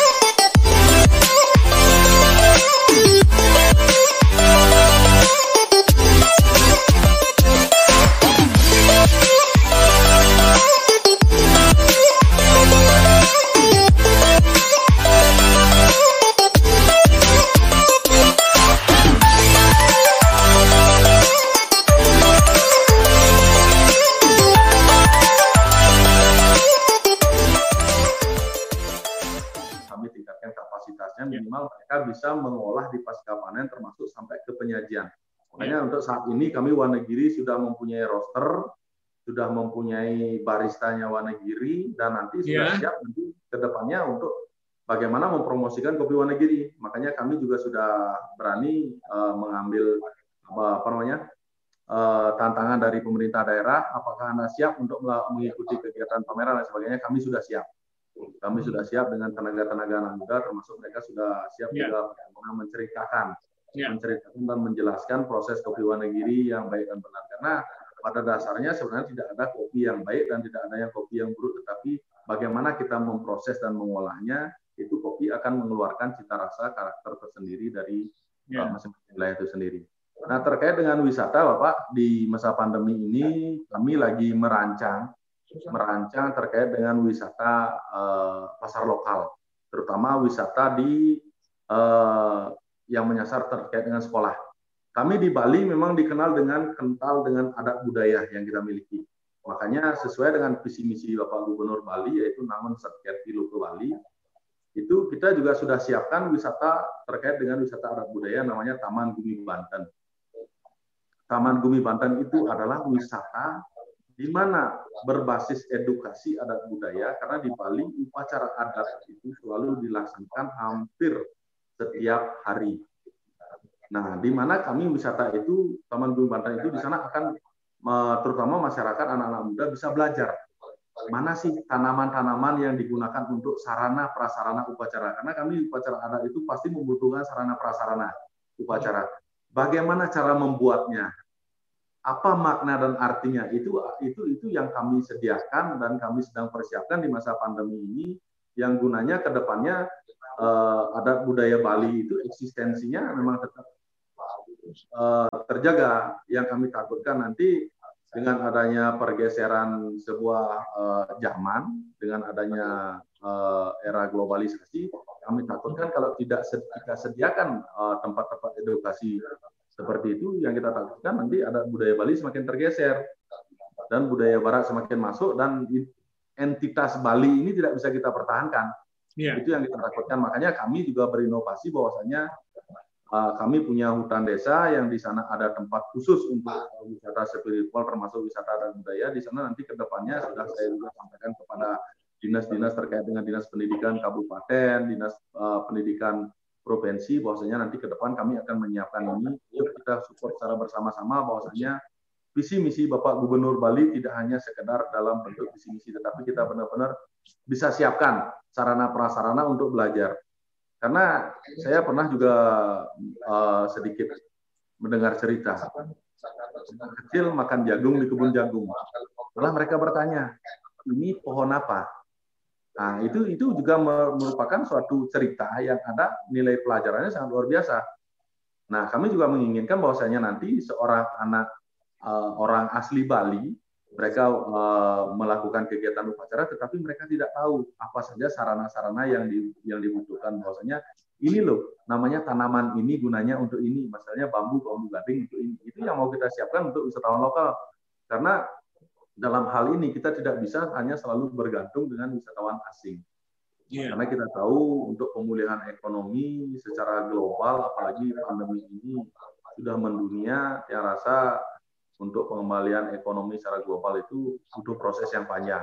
Tetapi kita yeah. tidak boleh putus asa, kita harus tetap semangat karena sumber daya yang kita miliki itu tidak hanya sumber daya yang dibutuhkan oleh masyarakat asing, tetapi sumber daya yang benar-benar dibutuhkan oleh masyarakat seluruhnya. Karena memang di Bali sudah kalau terkait dengan tempat wisata dan sebagainya sudah tidak perlu diragukan lagi terkait dengan promosi tidak perlu langkah yang apa namanya langkah yang tetapi kita bagaimana bisa menyediakan varian-varian baru terkait dengan kopi kita bisa mengedukasi bahwasanya perencanaan mudah-mudahan di tahun depan pandemi ini segera berakhir kami Wanagiri akan melakukan uh, festival. Kami sudah rancang bersama salah satu uh, operasi idealisme di Kabupaten Buleleng.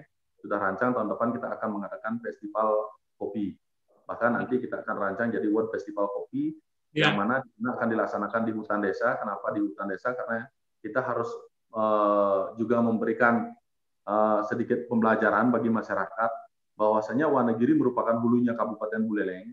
Kita harus tetap menjaga tanaman konservasi, salah satunya adalah kopi, bisa kita sandingkan dengan tanaman-tanaman hmm. tegakan lainnya.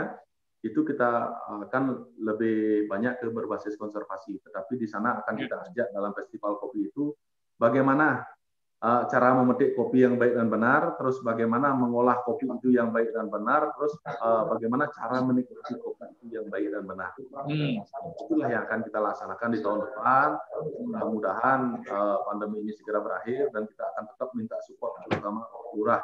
Mudah-mudahan tahun depan bisa meluangkan waktunya untuk hadir ke desa kami dan kita akan konsep agak sedikit berbeda kita akan sama ratakan semua pengunjung yang hadir, bahwasanya kita akan konsep dengan konsep berkemah di dalam hutan. Hmm.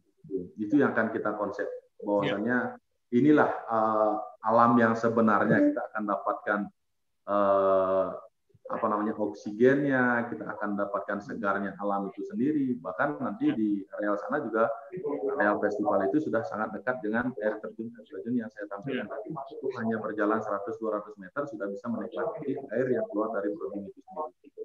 Nah, terkait dengan pendapatan BUMDes, pendapatan BUMDes kami di masa pandemi ini eh, di dari sektor pariwisata memang sangat menurun turun meningkat, turun drastis, akan tetapi kami tidak melakukan pengurangan karyawan dan kami tidak melakukan pengurangan insentif bagi karyawan. Ya. Karena kami masih bisa bertahan dari produk-produk karena eh, kopi juga, produk kopi juga sangat mendukung sekali dan kebetulan juga di masa pandemi ini memberikan sedikit berkah buat kami, yaitu kami mendapatkan proyek dari salah satu eh, instansi terkait, yaitu pengolahan kopi bubuk untuk BLT.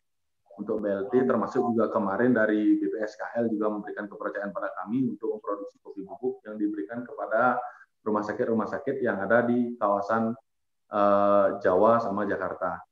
Hmm. Kopi bubuk kami dari Wonogiri itu juga memberikan sedikit berkah, makanya kami juga uh, masih terkadang ada penambahan uh, tenaga lepas tenaga harian yang gunanya kami uh, ajak untuk packaging dan uh, termasuk juga ajak kita untuk roasting. Yeah. Itu itu barangkali Bapak yang bisa kita jelaskan dari Wonogiri karena mohon maaf kami belum bisa menyediakan paparan barusan kami sudah siapkan mau dikirim memang sinyal di sini sinyal, agak kurang sinyalnya, bagus. sinyalnya agak kurang bagus tadi pun saya menyimak juga agak sedikit banyak terpotong terpotong dari gini ya untuk yeah. teman-teman semua uh, barangkali jika mempunyai uh, pengalaman yang lebih bisa nanti bisa kita lanjutkan dalam sharingnya. Dan saya berharap juga nanti uh, peran serta dari eh, rekan-rekan uh, semua kita bisa menjalin kolaborasi yang bagus. Karena dengan komunikasi dan kolaborasi yang bagus kita akan bisa uh, berbagi pengalaman termasuk berbagi produk termasuk berbagi ilmu nanti ke depannya. Bagaimana ekonomi di Indonesia ini bisa pulih kembali dan bisa semakin kuat. Dan di era pandemi ini akan mengajarkan kita untuk bagaimana cara bertahan hidup, bagaimana mempersiapkan sesuatu yang ke depannya biar bisa semakin kuat. Baik itu yang bisa saya sampaikan Pak. Barangkali nanti di dalam sesi diskusi uh, jika ada beberapa pertanyaan dan lain sebagainya akan saya jawab. Terima kasih. Iya. Terima kasih Pak Made. Ada satu hal yang belum diteritakan sedikit tadi tentang penghargaan dari Kementerian Lingkungan Hidup terhadap pengolahan hutan di Wanagiri. Ini juga bisa diceritakan bagi karena ini juga akan menginspirasi kawan-kawan yang sudah dia oke okay, dia bertanam kopi, berkonservasi, tapi juga uh, ada satu hal yang lebih menarik bagaimana pengolahan hutan itu juga menjadi satu hal yang produktif juga untuk ekonomi desa. Jadi, saya juga pengen dengar itu ceritanya seperti apa. Tadi ada yang kelewatan sedikit tentang penghargaan dari Kementerian Lingkungan Hidup itu.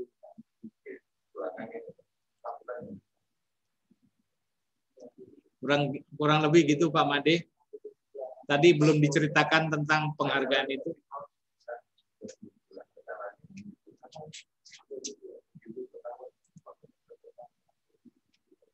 Di unmutnya ya.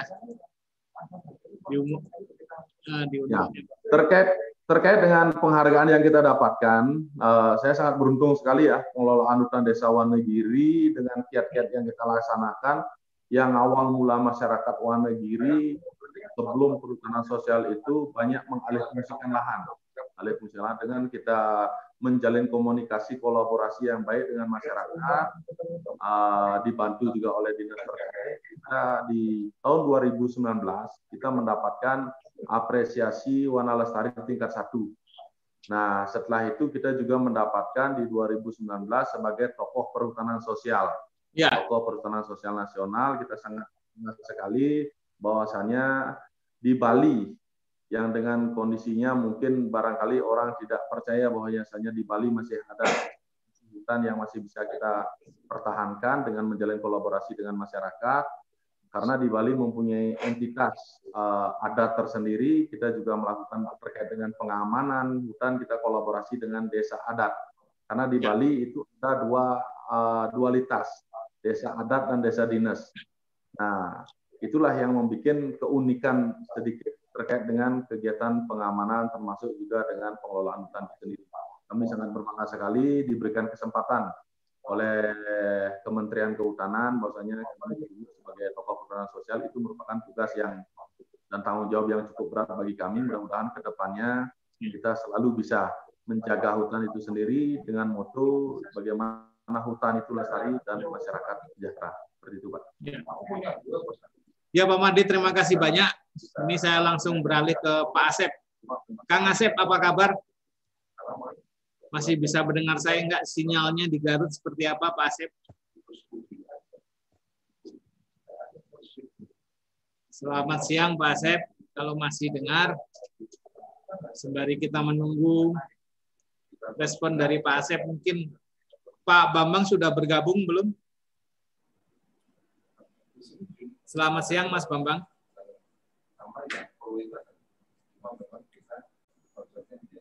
Baiklah, eh,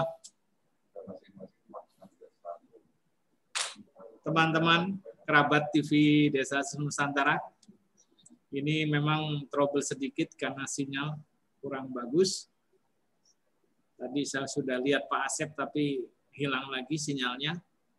Eh, saya mau minta tanggapan ini tentang satu model seperti ini, yang paling tidak bahwa di hal aspek pengembangan lokal ekonomi yang berbasis dia di pariwisata, di agro, di ekowisata, dan basis di perhutanan juga di konservasi ini luar biasa.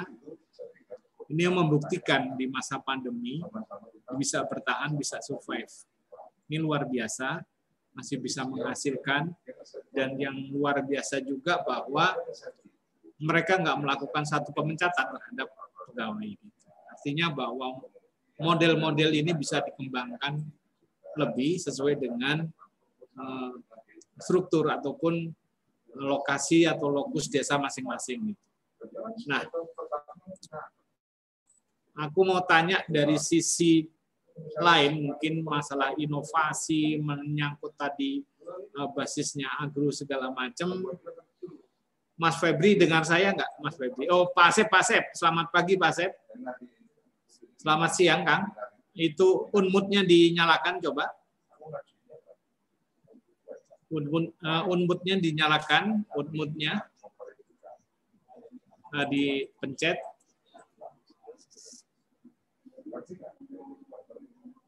Nah, dipencet Pak Asep nah, di gambar mic mic-nya itu. Bisa dipencet. Nah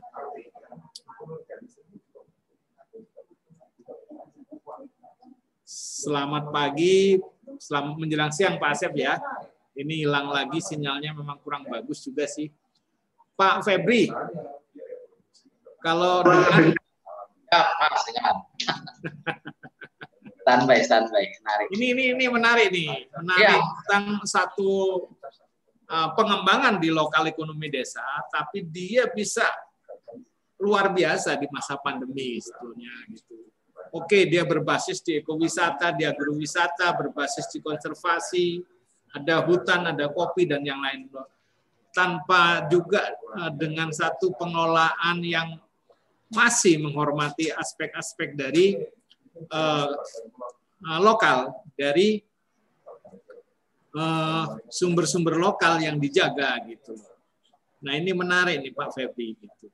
Tapi yang menarik juga Pak Made tadi dia pengen bikin satu festival kopi yang luar biasa. Mau datang kita jadinya nanya jadwal nih langsung bikin jadwal ya lagi nih Karena Bali itu luar biasa juga gitu loh. Selama yeah. ini kopi yang masuk ke Jakarta Kintamani. Tapi kalau ya. sudah tahu Wanagiri luar biasa juga. Itu, terkejut saya Pak Lurah, terkejut ya lihatnya. ada kopi. Jadi uh, ini menarik bahwa ini bisa saya minta tanggapan Mas Febri. Gimana ini uh, apa dengan satu model-model seperti ini bisa dikembangkan lebih luas lagi gitu. Karena ini belum bisa bertahan di masa-masa pandemi seperti ini. Mungkin di pengembangan kopinya kalau mau dilanjut tentang seperti apa untuk, ya. Oke Pak Lurah, terima kasih. Assalamualaikum warahmatullahi wabarakatuh. E, menambahkan ya Pak Lurah, boleh izin Pak Lurah ya? Ya. Silakan, silakan. E, selamat siang, Om Swastiastu, Namo Buddhaya. Salam kenal, beli dari Bali tadi. Saya sering ke sana beli sebenarnya beli. Terkejut juga ada kampung beli ini kopi kan. Biasanya kan kita ya tahunya ke Kintamani, ke Bali Pulina, ke tempatnya Pak Wirawan ya beliau mungkin beli tahu kopi Bali yang udah Nah, sebenarnya menarik tadi Pak Lurah, ini harus menjadi PR kita bersama, PR kolaborasi untuk membangun ekosistem yang berkelanjutan. Saya pikir ini sebuah model yang memang tinggal nantinya diduplikasi oleh daerah-daerah lain. Mau bicara tadi pariwisata dengan pendekatan uh, local community base seperti yang ada dilakukan teman-teman di Grintala Opat Adi uh, ya. Mem membangun menginfiltrasi saya pikir bukan hanya membangun menginfiltrasi ke kaum tua dari kaum tahu dari muda ke tua itu sangat berat apalagi di Sumatera Barat itu yang kedua tadi dari uh, desa yang di Bogor tadi itu sangat strategis sekali saya ulas loh sangat strategis sekali untuk dikembangkan karena dekat dengan kota dan dekat dengan bandara Ya. Kemudian yang ketiga tadi dari Bali. Nah Bali saya pikir uh, itu sangat uh, prospek untuk apa pun di branding dari Bali. Saya pikir itu menjadi mudah cepat terkenalnya dan mudah untuk dipasarkan. Ya. Karena memang sebagai daerah pariwisata dan apalagi memiliki kawasan dan memiliki produk. Nah, ini PR kita nih sebetulnya Pak Lurah untuk membedakan. Ini lagi-lagi membedakan, mendatabasekan dulu tentang profil-profil yang tadi dan terintegrasi nantinya secara digital. Nah, mau tidak mau kita masuk ke sana supaya ekosistem yang diinginkan teman-teman yang dipresentasikan teman-teman kan luar biasa nih. Ya. Tapi bagaimana kemudian ini menjadi berkesinambungan dan me, menyebar seperti virus corona. Ini, ini yang yang bisa menyebar cepat kepada daerah-daerah yang potensi lain. Nah, langkah-langkahnya saya pikir Nah, di sini mungkin juga uh, mungkin bisa diteruskan nanti di Kementerian Desa menjadi sebuah bahan untuk dikaji ulang uh, model apa yang mau dilahirkan lagi itu itu sebagai PR juga bagi kita untuk menyampaikan ke desa. Kemudian yang kedua uh, dalam waktu dekat mungkin kita mau kolaborasi. Saya sangat mau kolaborasi dari apalagi terkait tadi kopi dari uh, Bali tadi. Bagaimana kemudian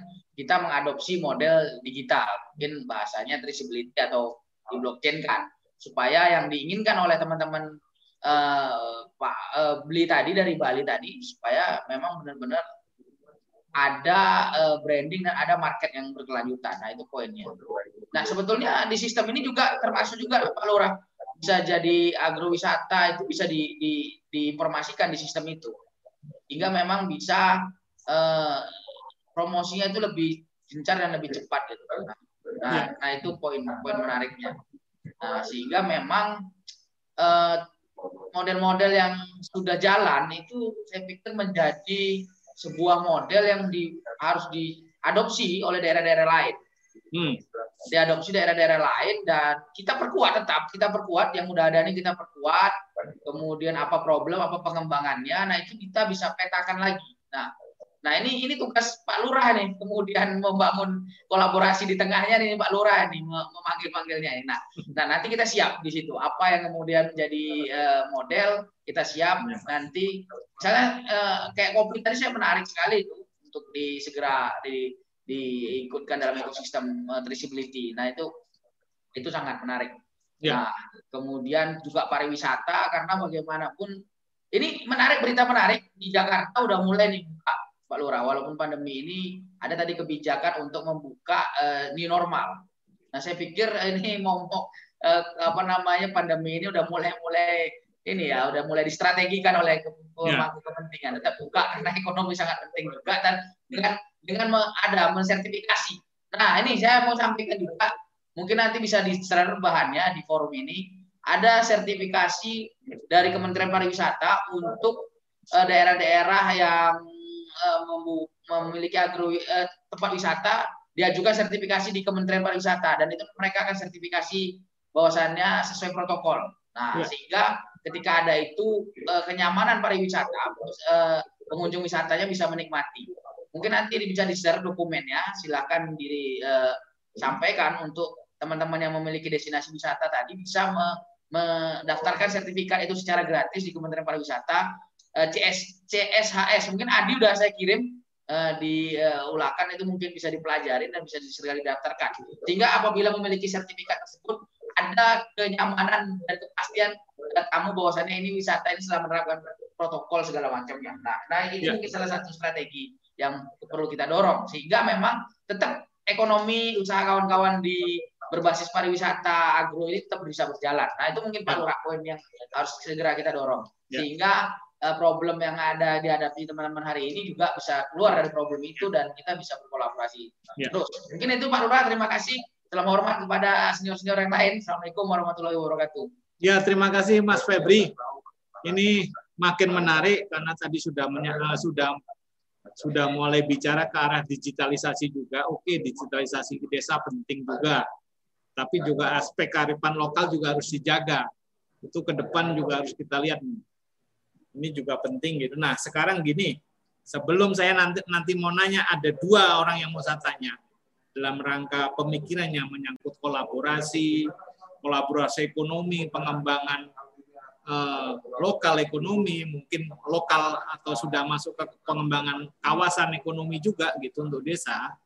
Itu ada Mas Saiful Bahri dan Mas Pit Widyadi mau saya tanya nanti. Tapi saya mau nyapa dulu nih Pak Asep. Pak Asep sudah dengar saya ya, Kang Asep. Pak Asep ADK Garut. Uh, mungkin unmutnya dipencet, gambar mic-nya dipencet. Nah, Pak Asep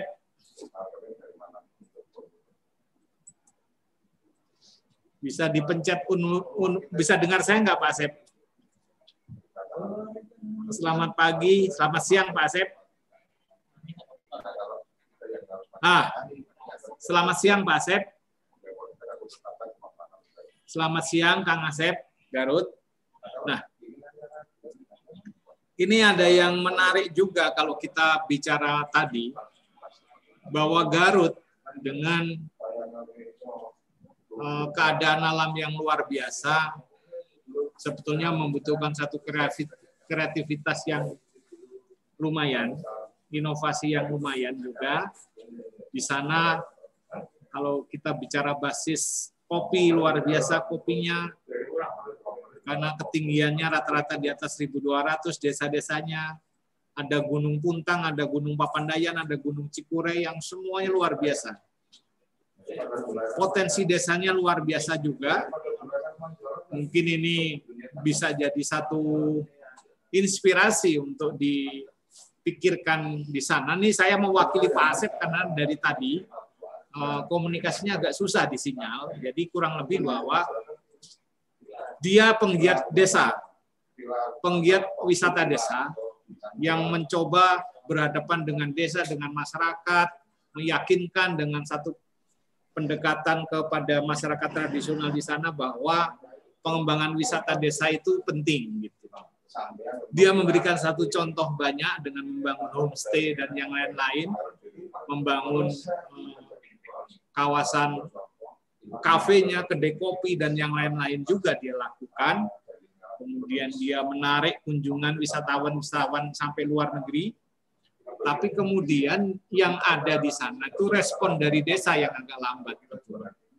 Padahal yang kita harapkan dari sini dengan satu pola yang sama, seharusnya mereka jadi satu kawasan wisata yang luar biasa gitu. Jadi penyangga wisata untuk Papandayan itu gitu. Dan uh, pengembangan lokal ekonominya sangat menarik sekali di sana gitu. Nah, Mungkin seperti itu Pak Asep ya. Ini karena komunikasinya agak susah, sinyalnya agak susah. Nah, coba saya mau tanya nih tentang uh, dalam satu rangkai pemikiran bahwa dalam masa pandemi seperti ini dengan basis-basis uh, lokal yang luar biasa masih bisa bertahan, bumdesnya juga masih bagus. Nah, saya mau tanya ke Mas Saiful Bahri dan Mas Pit. Siapa dulu yang bisa jawab nih? Yang nyambung dulu nih. Mas Saiful atau Mas Pit? Bisa dengar? Nah, Mas Pit, ya. Unmutnya jawab Mas Pit.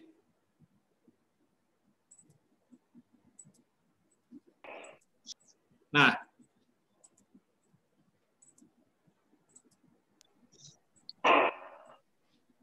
Nah, Mas Pit, ini menarik ya. Kalau di kalau memperhatikan dari tadi gitu. Ini luar biasa survive-nya dari teman-teman ini dari eh, teman-teman uh, ini adalah mereka pelaku BUMDes juga, mereka pelaku ekonomi desa, penggiat dan yang lain-lain lah semuanya yang masih bisa survive dengan berbagai inovasi yang ada gitu. Nah, tadi Mas Febri mengatakan bahwa ini penting untuk kolaborasi ke depan yang lebih besar gitu. Mungkin Mas Pit ada satu pemikiran lagi seperti apa? Iya, terima kasih Mas Lurah. Eh, menarik, makin menarik ini di diskusi kita. Eh, yang paling penting untuk BUMDes itu jangan jadi kapitalisme di tingkat desa ya. Semua usaha dikangkangin sendiri oleh BUMDes.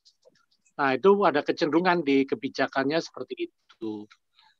Nah, sehingga kalau kemudian itu dimonopoli kapasitasnya oleh desa, masyarakat yang punya kapasitas untuk berkembang, lalu jadi musuhnya itu. Nah, sehingga konteks kalau kolaborasi atau konteks kerjasamanya itu harus saling menguatkan eh, konteks kapasitas pengembangan ekonomi masyarakatnya, bukan hanya sekedar bumdesnya. Karena kalau tidak, maka masyarakatnya akan jadi korban itu. Misalnya eh, di beberapa bumdes yang ada yang berkembang malah dia mencaplok kegiatan-kegiatan usaha masyarakat yang sudah ada. Misalnya eh, pengumpulan hasil bumi yang sebetulnya itu dilakukan oleh masyarakat lalu disaingin oleh bumdes atau pengelolaan-pengelolaan kegiatan yang kapasitasnya di tingkat masyarakat. Jadi BUMDes harus mengambil peran yang jauh lebih besar. Yang kedua, mungkin di tingkat pemerintah ini, terutama di kabupaten dan kalau memungkinkan di tingkat nasional, itu ada zonasi untuk pengembangan komoditi. Tidak semuanya jadi desa wisata, tidak semuanya jadi desa kopi, tidak semuanya jadi desa coklat. Nah, karena sekarang lagi boomnya kopi, semua lari ke kopi ini. Nah ini yang bahaya untuk kemudian hari. Jangan-jangan 10 tahun yang akan datang komoditi ini hilang. Contoh yang paling gampang kan seperti komoditi pengembangan uh, buah naga itu. Di Jawa Timur itu kalau lagi buah naga harganya bisa cuma seribu sekilo.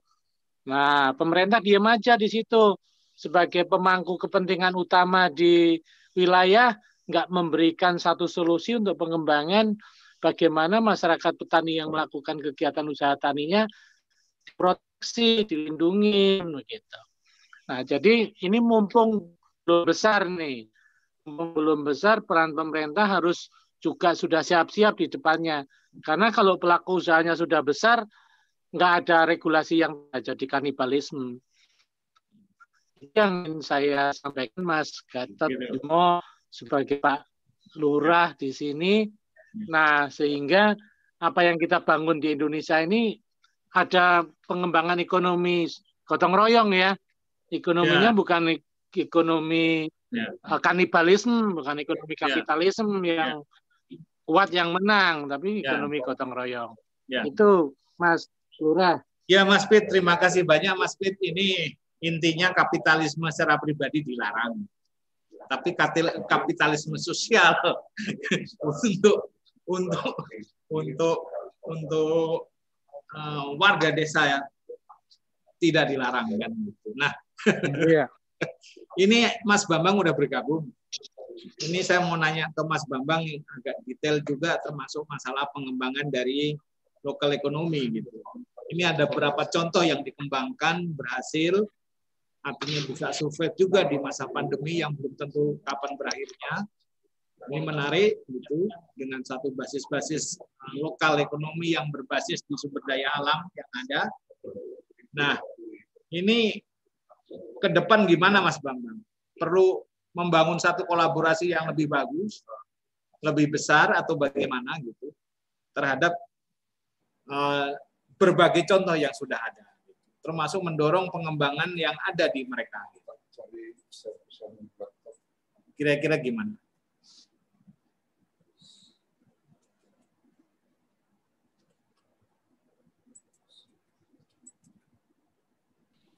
Nah, gimana Mas?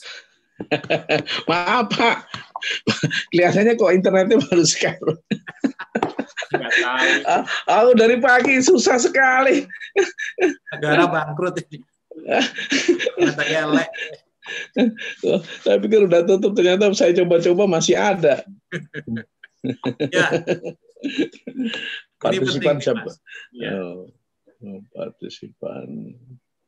Nah ini ke depannya gimana ini? Kolaborasinya tadi ditantang untuk bisa berkolaborasi lebih dan ke Pak Gatot, ini Ya. sama bumdes, bumdes atau campuran? campur aduk. Oh, campuran. Tapi bumdes ini ada bumdes semua ini. Oke, dia jadi bisa survei bertahan. Gitu. iya, saya pikir gini, lokal pelaku eko, tadi kok ada kapitalisme sosial tuh, apa? Enggak, itu, itu, Ah, Mas Mas Pit itu. iya, itu masuk. Jadi gi- gini Pak Gatot, jadi kita kan ini kan udah eh, apa eh, langkah-langkah praktis ya dan strategis lah ya, ya kan, yang memang ini tindakan praktis yang harus dilakukan sama teman-teman eh, di lapangan, terutama di desa kan. Ya perkembangan baru terakhir mau tidak mau lah, walaupun itu ramai di dunia sana, ya tentang cipta kerja kan eh, BUMDes mau nggak mau tetap berjalan itu. BUMDes sekarang sudah diakui sebagai badan hukum, ya kan. Kalau kemarin itu menimbulkan silang sengketa dan keraguan-raguan, ya kan, eh, itu sedang sedang PP-nya pun Kementerian Desa sedang menggarap itu kan, dan itu jadi respon positif. Artinya gini, artinya dia sebagai subjek hukum eh, sudah menjadi benar-benar eh, apa namanya eh, eh, di ranah bisnis ya. Itu kan nanti kan pasti terkena hukum bisnis itu kan. Itu itu berjalan. Nah ini yang perlu diantisipasi sama teman-teman. Kalau kemarin menuntut kebingungan badan hukum badan hukum mereka sedang badan hukum. Jadi di situ udah ada tiga artinya di desa itu. Ada koperasi ada bumdes kayak badan hukum. Jadi badan usaha milik desa yang berbadan hukum nah itu sudah jelas itu di cipta itu. Dan yang ketiga ada sektor swasta jadi private sektornya ya kan PT atau apa namanya. Artinya kan ketiganya ini di desa ini kan sebenarnya pelaku pelaku ekonomi ya. Pelaku pelaku ekonomi. Nah siap eh, pasti pasar pasti bekerja mau tidak mau pasar pasti bekerja. Tapi siapa yang memberikan arah ya kan? Siapa yang eh, yang mengendalikan? Itu kan pasti yang pertama-tama kalau kita bicara dalam dunia pada saat ini ya kapital lah kapital. Itu pertama. Tapi apa seperti itu? Nah di desa ini kan punya kekhususan ya. Jadi kalau saya pakai pendekatannya Pak Mubiarto ya. Ini karena saya juga muridnya Pak Mubiarto ya. Jadi eh, ya tidak pure ekonomik lah. Jadi kalau kita ingin melihat eh, ranahnya ekonomi di desa perekonomian Indonesia kan paling enggak selain ekonomi semata-mata manusia sebagai makhluk ekonomi kan juga ada nih ma- makhluk budayanya, ada sosialnya. Jadi interaksi sosial dan kulturnya harus dilihat. Jadi tidak semuanya uh, market mechanism gitunya. Nah ini ini ini siapa yang berperan pada akhirnya ya kan? Pada akhirnya kan kelembagaan-kelembagaan. Jadi kelembagaan dalam arti norma-norma nilai dan aturan-aturan yang ada di desa ya. Ini kan berbeda-beda pastinya. Nah ini yang yang sebenarnya eh, ini ini terlalu normatif saya bicara ya, tapi sebenarnya di lapangan kan pasti itu yang bergerak.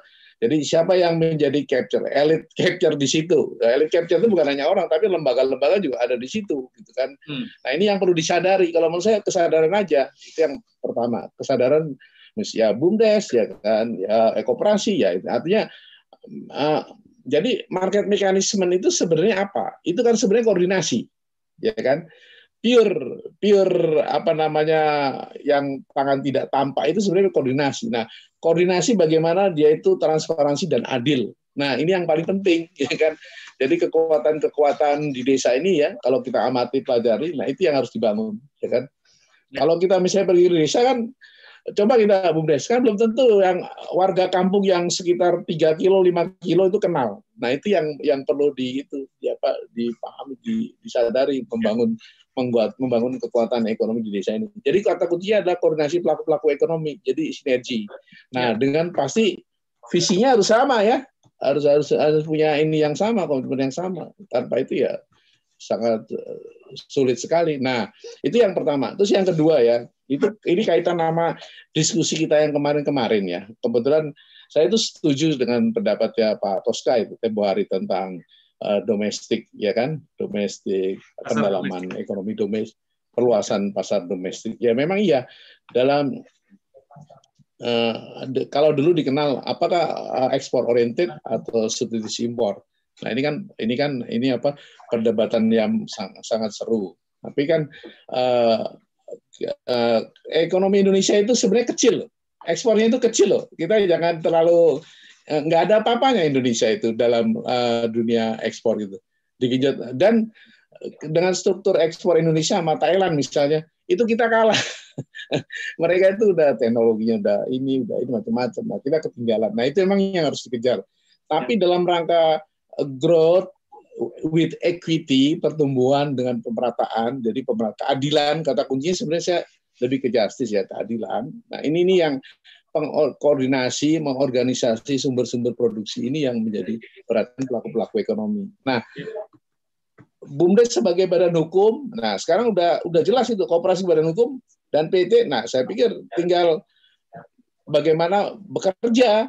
Nah, nah apa peran kita? Nah, sebenarnya lebih enak ini mas kalau kalau ini jadi mau mengkoordinasi mau dalam bentuk apa namanya dalam bentuk forum, dalam bentuk apa ya. Jadi eh, mau apa bentuknya sebagai perser grup atau menjadi interest group. Nah, itu pilihan ya, pilihan sebenarnya pilihan ya kan. Itu kan dua hal yang berbeda gitu. Jadi kata kuncinya pelaku-pelaku ekonomi di desa ini dengan situasi seperti ini eh, ya pendalaman domestik ya kan terus koordinasi itu itu yang penting Pak. Jadi seperti pariwisata ya pada saat ini. Ini kan kekuatannya lokal semua sebenarnya, ya kan. Pelaku-pelaku yang datang ke situ kebanyakan situasi pandemi ini kan teman-teman yang di sekitar situ yang memang situasi yang yang memang yang apa ya uh, bosan lah gitu. Tapi ini ini hanya ini aja sebenarnya uh, is, uh, apa ya uh, sementara temporer gitu. Nah, nah justru strategi agrowisata ini yang sangat menarik, ya kan? Itu kan menggabungkan antara kekuatan-kekuatan lokal dan juga bagaimana dia bisa uh, berkompetisi. Jadi ini kalau wisata itu biasanya kan siklusnya kalau Sabtu Minggu libur. kalau apa namanya, nah sepi, nah sepinya itu ya agronya itu yang digarap menjadi agro. Ya. Tapi yang perlu ada memang asosiasi, asosiasi entar ya interest group lah sebenarnya ya atau apa namanya seperti itu. Ya. Itu penting itu. Nah ini perlu disadari karena dia sekarang udah badan hukum itu implikasinya sangat luas sekali. Jadi ya. enggak ini. Ya. Itu Pak Pak. Ya Pak Bambang terima Ma maaf kasih ya banyak. terlambat, maaf terlambat ya. ini. Terima kasih banyak. Ini uh, karena waktu juga sudah habis. Oh iya. Saya mau terima kasih banyak ke Pak Agus Salim, terus Pak Made Darsana, terus kemudian Kang Asep Adeka, terus kemudian Pak Adi Kurniawan, terima kasih banyak semuanya telah menjadi narasumber yang baik. Sekalipun kita banyak terganggu oleh sinyal yang agak lemot ya. Mas Pit terima kasih banyak, Pak Febriansa, tentu Mas Babang, terus kemudian juga Mas Ahmad Mirsan, ini dari Bangka, Pangkal Pinang, dan kawan-kawan yang lain.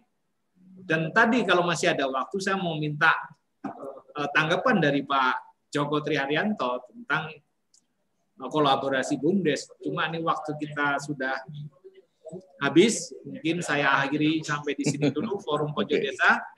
Terima kasih. Salam sahabat desa Nusantara. Kita akhiri acara siang ini acara Pojok Desa. Terima kasih. Merdeka. Merdeka.